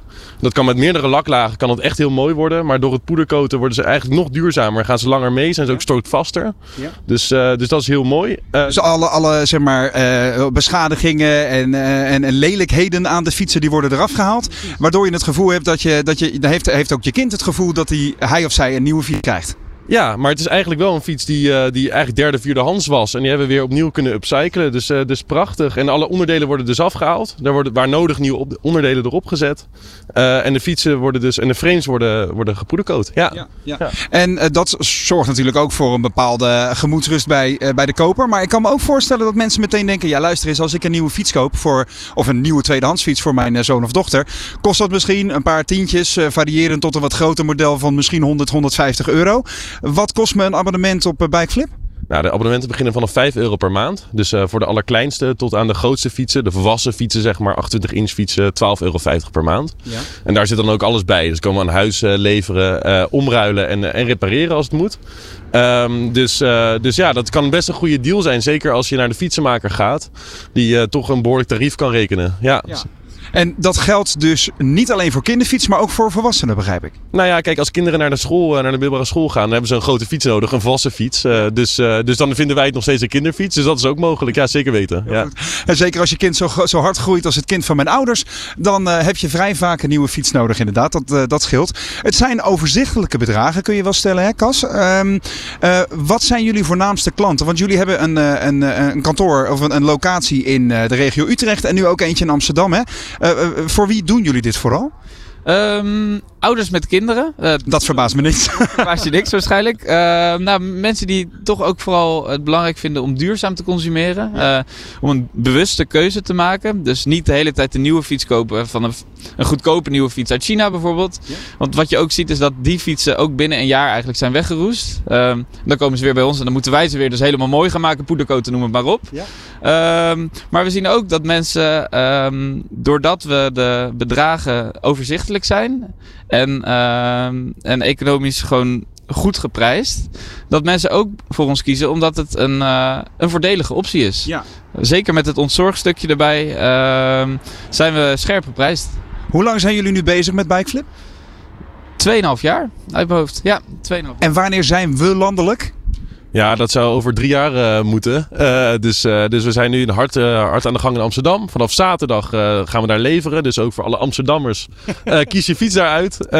want, want we komen eraan. Ja? en na Amsterdam staat de rest van de Randstad op de planning. En dan moeten we overal in Nederland aanwezig zijn. Ja. ja. En hoeveel fietsen hebben jullie nu al gerefurbished? Nou, dat zijn er vorig jaar. Dat kijk ik, dan moet ik eigenlijk naar chef werkplaats kijken. Uh, dat, zijn er, uh, dat zijn er 3000 geweest vorig jaar. Klopt dat, Kas? Chef werkplaats staat hier links van mij. Ja, ja iets minder, 2750. Maar we, we beginnen echt wel uh, een kleine deuk in een pakje boter te slaan. Um, en dat is, dat is ook nodig, want in Nederland staan 3,8 miljoen fietsen ongebruikt in schuurtjes. Dus uh, recent onderzoek van de ANWB heeft dat laten zien. Ja. Um, dus er zijn gewoon ontzettend veel goede tweedehands fietsen die een tweede leven verdienen. Um, terwijl er ook heel veel nieuwe fietsen worden gekocht waar dat dus eigenlijk niet nodig is. En dat, uh, dat proberen wij te bewerkstelligen. Dat iedereen kiest voor een tweedehands fiets, maar gerefurbished, geupcycled gewoon weer beter dan nieuw. Dat is wat we willen. Heel goed. Ja, ik kan me ook uh, indenken dat er nu een, uh, let op hè. belletje gaat rinkelen bij iemand die kijkt of luistert naar dit item. En denkt, hey, ik heb inderdaad nog eh, een paar kinderfietsen in de schuur staan of op zolder. Daar kan ik wel vanaf. Stel, ik meld me bij Bikeflip en ehm, ik heb daar een fiets. Krijg ik er dan nog wat voor? Zeker weten. Je krijgt uh, tot drie maanden korting voor, uh, voor de fiets die je bij ons inlevert. En dan gaan wij zorgen dat er weer een ander kindje gebruik van kan maken. Ik vind het echt een briljant initiatief, jongens. Ik wens jullie, wens jullie heel veel succes en veel aanloop komend weekend dus al bij de opening in Amsterdam. En uh, ja, binnen, binnen een paar jaar dus landelijke dekking voor Bikeflip. Een duurzaam initiatief voor geupcyclede kinderfietsen. Dankjewel voor jullie komst. Jij bedankt. Dankjewel. Dankjewel. Geweldig om te weten. Iedere uitdaging is een kans om met een slimme oplossing te komen. Daarom wordt dit programma mede mogelijk gemaakt door MKB Brandstof. Dit is De Ondernemer live op Nieuw Business Radio. Iedere dinsdag geeft data wizard Job van den Berg praktische tips om slimmer te ondernemen met data in de Data Dinsdag. En vandaag gaat hij het hebben over een lastige term, het churn model. Maar dat legt hij allemaal haarfijn uit. Ja, want bedrijven die een dienst of product leveren en direct in contact met hun klanten staan, hebben allemaal eenzelfde uitdaging. En dat is zorgen dat je je klanten behoudt. Of je nou leningen verstrekt, uh, energie levert, telefoonabonnementen aanbiedt of een streamingsdienst bent, je wil graag voorkomen dat de klant opzegt. Jouw klantenbase is het midden om omzet te genereren. Ze zorgt voor een continue inkomstenbron door het betalen van abonnementskosten, rente en andere zogenaamde recurring producten. Het is aan te raden om tijd te investeren in het behouden van klanten, want het aantrekken van nieuwe klanten is vaak veel kostbaarder. Denk aan de kortingen die je moet geven om iemand over de streep te trekken, maar ook sales- en marketingkosten, zogenaamde cost of acquisition. De investering heb je vaak pas na enkele maanden of zelfs jaren terugverdiend. Ook dat is een reden om klanten binnenboord te houden. Uit onderzoek van McKinsey blijkt bijvoorbeeld dat in de telecomsector gemiddeld 20 tot 30 procent van de klanten per jaar opzeggen. In sommige sectoren is dat nog wat hoger. In de financiële sector blijkt onderzoek van PwC ligt het aanzienlijk lager, tussen de 10 en 20 procent. Een Netflix-abonnement kun je eenvoudig en snel opzeggen, een lening uiteraard niet. De vraag is, hoe kun je opzeggingen voorkomen en kunnen data en AI hierin een rol spelen? Jazeker.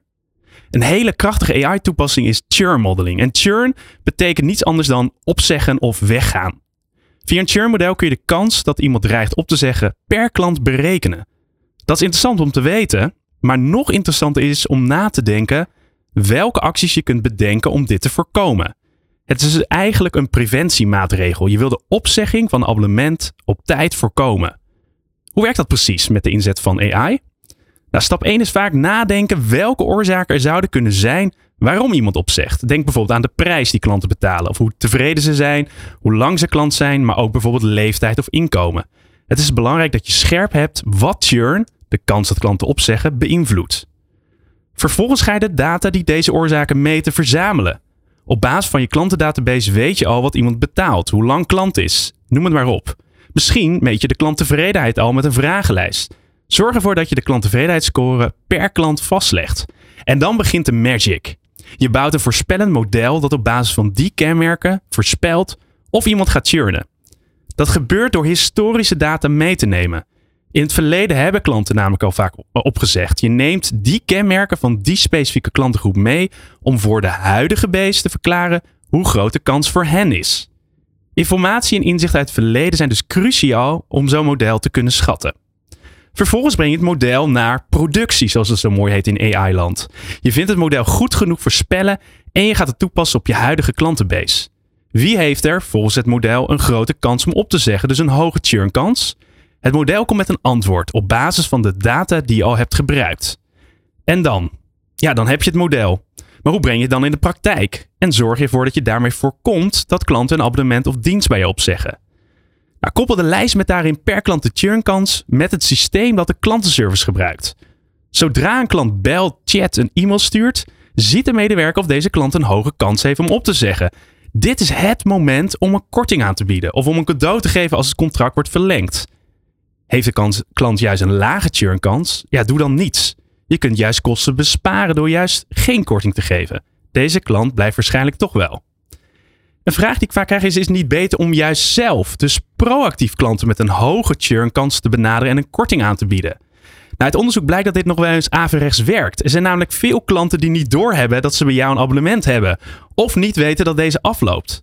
Als je ze belt, worden ze daaraan herinnerd en wordt de churnkans juist veel groter. Nou, ik u toch spreek, ik wil eigenlijk dat abonnement liever opzeggen. Kortom, het verlagen van churn, klanten die opzeggen, is een kolfje naar de hand van AI. Je kunt heel goed voorspellen of iemand misschien wil opzeggen.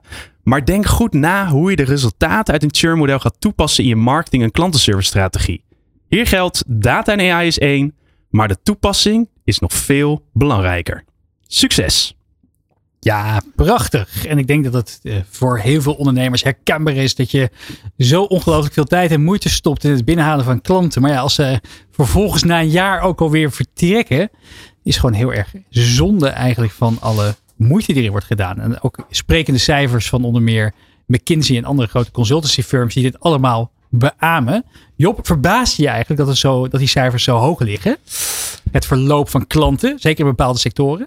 Ja, het, het, punt is een beetje dat je ziet ook natuurlijk die, die relatie tussen hoe snel het product is en hoe hoog de churn kans. We hadden het al even voor. Ja, het is natuurlijk lastig om een lening te zeggen, joh, we stoppen ermee. Daar is natuurlijk een langere commitment aan, uh, aan verbonden. Um, um, maar als je dat verschil bekijkt, weet je wat, er ligt over 10, 20% in de financiële sector. Uit dat onderzoek blijkt dat althans. En dan 20, 30% in de telecomsector. Wat ongeveer natuurlijk een jaar vaak loopt. Een abonnement op een telefoon bijvoorbeeld. Vind ik dat ook alweer relatief meevallen wat het verschil is.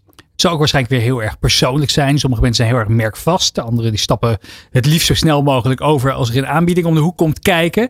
Ik denk dat je daar inderdaad ook met die data inzichten heel goede klantprofielen op zou kunnen maken bijvoorbeeld. Ja, het mooie, het mooie segmenteren inderdaad. En daarna het kijken per profiel wat het meest uh, daarbij, daarbij past. En wat je zegt is een hele terechte, uh, Remy. De, de merkbinding, wat natuurlijk meer een emotioneel uh, ding is. Van wat vind je van een merk en hoe erg ben je daarmee verbonden dat is natuurlijk meer een minder tastbaar geheel. Maar het is natuurlijk ook heel belangrijk om mee te nemen in zo'n model. Hoewel dat vaker wat lastiger te meten is. Maar je hebt wel ook daar vraaglijstonderzoek vaak voor. Maar dat speelt ook inderdaad wel vaker een rol. Wat wat minder tastbaar is dan bijvoorbeeld hoeveel iemand betaalt nu. André, hoe speelt data en in het verlengde daarvan natuurlijk ook in die mooie toekomst machine learning en alle navenante technologieën bij credits een rol? Nou, wij gebruiken heel veel data, zeker in ons proces. Hè. Um, wij, als, je, als je een aanvraag bij ons doet, gebruiken we diverse data om te kijken wat is dat voor type aanvrager. Hè. Dat, dat varieert van uh, eh, KVK-data, Dun Bradstreet, noem maar op. Dan krijgen we een beetje inzicht al wie zit de persoon daarachter. En daarna, als we eenmaal dat persoonlijke stuk hebben gedaan, dan gaat in een soort digitaal proces worden uh, de overeenkomsten gemaakt. Dat gebruiken we ook heel veel data voor. En wat wij heel veel doen, wij kunnen redelijk goed voorspellen wat de potentiële faalkans is van een, van een lening. We hebben nu inmiddels zo'n 15 jaar data opgebouwd. Dus we weten uit ervaring kunnen we er heel veel van leren. En kunnen we ook meer voorspellen. Um, en dat is eigenlijk iets waar we continu mee bezig zijn. Wij proberen, um, maar dat is, iets anders, maar ook wel met data te maken. Identificatie digitaal te doen. Hè? Ondertekeningen digitaal. Dus daar gebruiken we heel veel uh, nieuwe ontwikkelingen voor. Maar zeker naar de toekomst toe is dat best wel een uitdaging voor ons. Wat zouden we daar meer nog in ons proces kunnen doen? Niet alleen... de mogelijkheden zijn bijna eindeloos, ja, dat is ook zeggen. dat is misschien ook wel het probleem. Tegelijkertijd, ook als je kijkt naar die ondernemers die jullie helpen. Uh, het zijn vaak ondernemers die ontzettend druk zijn met het uh, bouwen van hun bedrijf, met het product of dienst.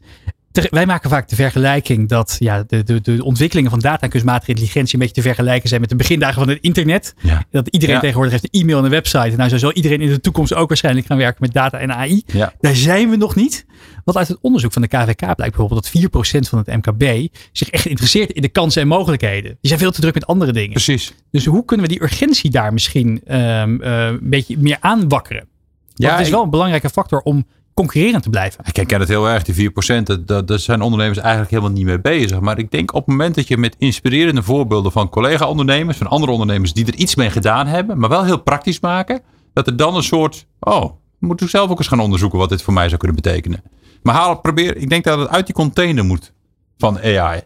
Is het, Ja, het- het is vaak een kantelpunt. Op een moment komt er inderdaad dat een soort van een bedrijven overgaan door data en AI te omarmen. En dan zie je vaak dat het exponentieel op toe gaat nemen. En dat kantelpunt is natuurlijk lastig te voorspellen wanneer dat zo is. heeft inderdaad te maken denk ik, inderdaad met voorbeelden, hoe anderen het doen. Of hoe de concurrent het, eh, het doet.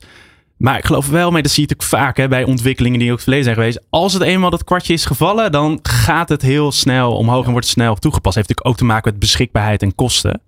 Ehm, ehm, maar eens, voorbeelden En hoe anderen het doen is altijd een, uh, een belangrijke trigger. Roland Tameling valt van de fietsen in de databoter. Ja, jongens, dit, dit is weer een heerlijke rollercoaster van onderwerpen en informatie. Wat, mij, wat ik mij nog afvroeg, uh, heren. Um, want we hadden het net over het, het goed oplijnen van het juiste team. Hè, qua, qua tegenspraak, maar ook qua um, uh, competenties. Hè. Uh, zet een goede boekhouder naast je bijvoorbeeld. Ligt het ook niet aan het, het, het goed inrichten alvast van een organisatie? Dat je gaat richten, bewust gaat richten met personeel en, en be, bekwame collega's op dat vlak van AI en de kansen die dat heeft in de toekomst? Ja, absoluut. Maar het, het, ik denk dat die bewustwording, daar begint het mee. Hè? Ja. Ook een, een, een, bijvoorbeeld een kapsalon die een schare aan vaste klanten heeft. Die kan hier ook al mee bezig gaan. Hoe kan ik ze behouden? Hè? Want dat hij niet over drie maanden naar de volgende kapsalon gaat. Ja. Dus het is ongeacht je businessmodel. We denken heel vaak dat je moet heel veel data hebben. Webshop, online. Dat is niet zo. En op het moment dat, ik geloof heel erg als je daar bewust van bent als ondernemer. Je hoeft je die kennis nog niet in huis te hebben. Je kunt met simpele dingen ook al met jouw eigen data wat doen volgens mij. Maar zijn jullie, is jullie eigen organisatie al wel aan het veranderen op dat vlak? Als in hoe de organisatie is ingericht? Vanuit Nou, credits? Kijk, wat wij continu doorontwikkelen is die digitale straat die er is. Naast die persoonlijke straat, zeg maar. Om dat slimmer en beter te maken. Dat wel. En we kijken heel erg naar datagebruik. Dus waar komt een klant vandaan? Welke persona's uh, maken wij? Kijk, wij hebben eigenlijk twee groepen. Dat is die starter en die bestaande ondernemer. En die hebben andere behoeftes. We zijn heel erg bezig om te kijken als die starter bij ons komt. Wat kan ik aanbieden voor hem of haar? Ik denk dat tegelijkertijd het heel erg klopt wat André zegt, Job. Dat ondernemers het soms misschien wat te groot maken. De, ja. uh, wat ze moeten doen om met data en AI aan de slag te, te, te, gaan om echt direct resultaten te zien. Er zijn tegelijkertijd uh, honderden, zo niet duizenden software tooltjes op het internet te vinden die je enorm helpen bij bepaalde producten en diensten te automatiseren. Wat uh, heb je misschien een voorbeeld van één zo'n tool waarvan je zegt, nou ja, hier kan je als ondernemer gewoon morgen mee aan de slag en werk je iets efficiënter dan dat je vandaag de dag al doet? Er zijn legio natuurlijk die er, die er toe, toe te passen zijn. Maar die, uh, ja, er zijn zoveel tools inmiddels dat, dat je bijna niet meer kan kiezen welke het meest, uh, meest interessant is. Maar, maar dat is maar, precies het probleem voor ondernemers. Ja, dus noem een, tool, noem een tool als browse.ai bijvoorbeeld. Ja, ja browse.ai die inderdaad, die houdt bijvoorbeeld de website van een concurrent in de gaten. Dus inderdaad heel concreet. Je typt de URL van de website die ja. je relevant vindt. En als er bijvoorbeeld een prijswijziging komt op die website, dan krijg je een melding. Dus dat is eigenlijk een tool die de behoefte vervult van hey, ik ben benieuwd wat er bij de concurrent gebeurt. Kan ik inspelen op, op wat de concurrent aan het, uh, aan het doen is? Um, Voor heel veel ondernemers natuurlijk super relevant. Super interessant. Ja, zeker.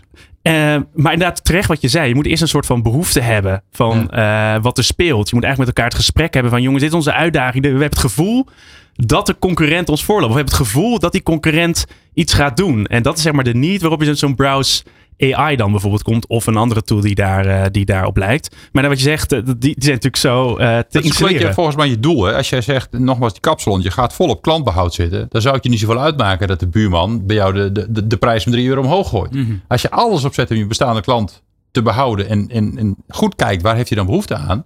Dan is die prijs vaak niet zo'n groot issue. Nee, nee precies. Roland, de, data, de laatste datavraag voor jou.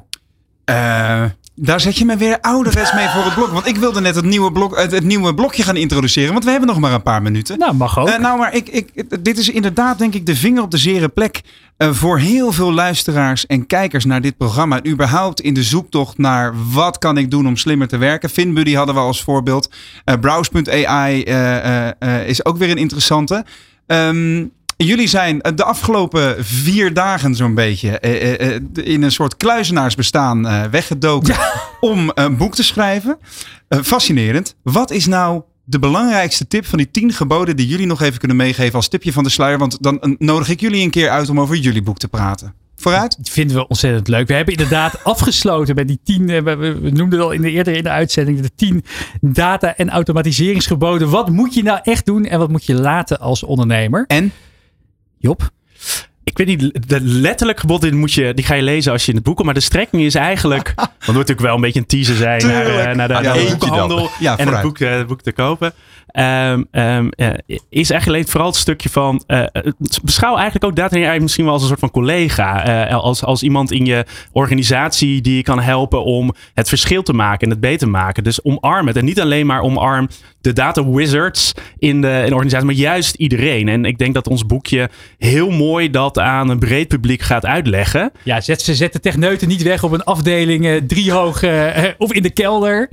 Zet, lekker samen gaan doen. Exact. Nou, uh, jongens, punt is gemaakt. We gaan nog even naar de afsluiting, Remy. De Ondernemer. Live op Nieuw Business Radio. Ja, want voorheen hadden we natuurlijk uh, Nico Dijkshoorn. Hè, die uh, die uh, heeft al zijn punten inmiddels wel gemaakt. Dus we gaan voortaan voor een andere afsluiter van de Ondernemer Live. En daarbij staat onze co-host nog eenmaal in het middelpunt. André, uh, we hebben een aantal. Uh, we willen graag even dagdromen met je. Hè? Uh, hoe ziet de wereld eruit over vijf jaar? Nou, dat gaan we even doen aan de hand van vier pijlers. persoonlijk, je bedrijf, de branche waarin je werkt en de wereld. Laten we eens even puntje voor puntje afwerken. Hoe ziet de wereld eruit volgens André Dolsma van Credits um, op het, het persoonlijke vlak? Nou ja, ik hoop over vijf jaar dit nog steeds te doen met deze club. Met veel enthousiaste mensen. Dus dat is ja, heel simpel mijn ambitie persoonlijk. Dus er is er weinig veranderd? Weinig, eh, wat dat betreft is er weinig veranderd. Oké, eh, het bedrijf dan? Ja, ik denk dat Credits uh, nog meer is doorgegroeid naar die brede helper, om het zo maar te zeggen, voor ondernemers. Dus naast kredieten ook een stukje ondersteuning met trainingen, coaching. Dat is wel onze ambitie waar we naartoe willen. Plus iets meer nog het kenniscentrum zijn voor het kleinbedrijf in Nederland. En het op de lobbypagina of de lobby krijgen bij, bij de politiek. Heel goed. De, de branche, de financieringsmarkt voor MKB in 2028. Ik denk dat er minder spelers zijn. En uh, dat er uh, een soort shift gaat komen die we eigenlijk al een beetje aan het zien zijn. En dat er uh, ook nog een partij zoals Credits komt voor die gap tussen 2,5 ton en een miljoen of anderhalf miljoen. Tot slot, de wereld. Hoe ziet die er over vijf jaar uit? We eindigen lekker tastbaar en klein. Tastbaar en klein, de wereld. Nou, ik hoop dat de zon nog steeds schijnt over vijf jaar. Uh, nadat we iets meer naar elkaar omzien. Dat zou mooi zijn. Toch die persoonlijke touch. Ja. Hartstikke mooi. Het zit er weer op. André, ontzettend bedankt dat je de afgelopen twee uur onze co-host was. Volgende week hebben we de CEO van Check hier in de uitzending. De scooters die we hebben, die zie je ja, kriskras door het land. Ook hier in Hilversum. Zou je iets van hem willen weten? Goeie vraag. Ik ken het bedrijf niet goed genoeg omdat. Uh, ik, ik zou wel willen weten hoe hij kijkt naar uh, mobiliteit, zeg maar. Hè? Dus, dus we zien nu de, de dieselbusjes langzamerhand de binnenstad uitgaan. Als hij met zijn scooters dat kan oplossen. Ik ben wel benieuwd hoe hij daarnaar kijkt. De mobiliteitsmarkt. Daar gaan we hem zeker vragen. Marco Knietel is dan de co-host. Hartelijk dank voor het kijken en luisteren naar De Ondernemer Live. Volgende week dinsdag zijn we er dus weer van 11 tot 1. Terug luisteren en terugkijken kan op YouTube of je favoriete podcastplatform. In dit programma werd natuurlijk mede mogelijk gemaakt door Nederland Wijnen, MKB Brandstof en Bluefield Agency. Dit was De Ondernemer Live. Heel graag tot de volgende week. Van arbeidsmarkt tot groeikansen. Van bedrijfscultuur tot innovatie. De Ondernemer. Live. Elke dinsdag van 11 tot 1. Live op Nieuw Business Radio.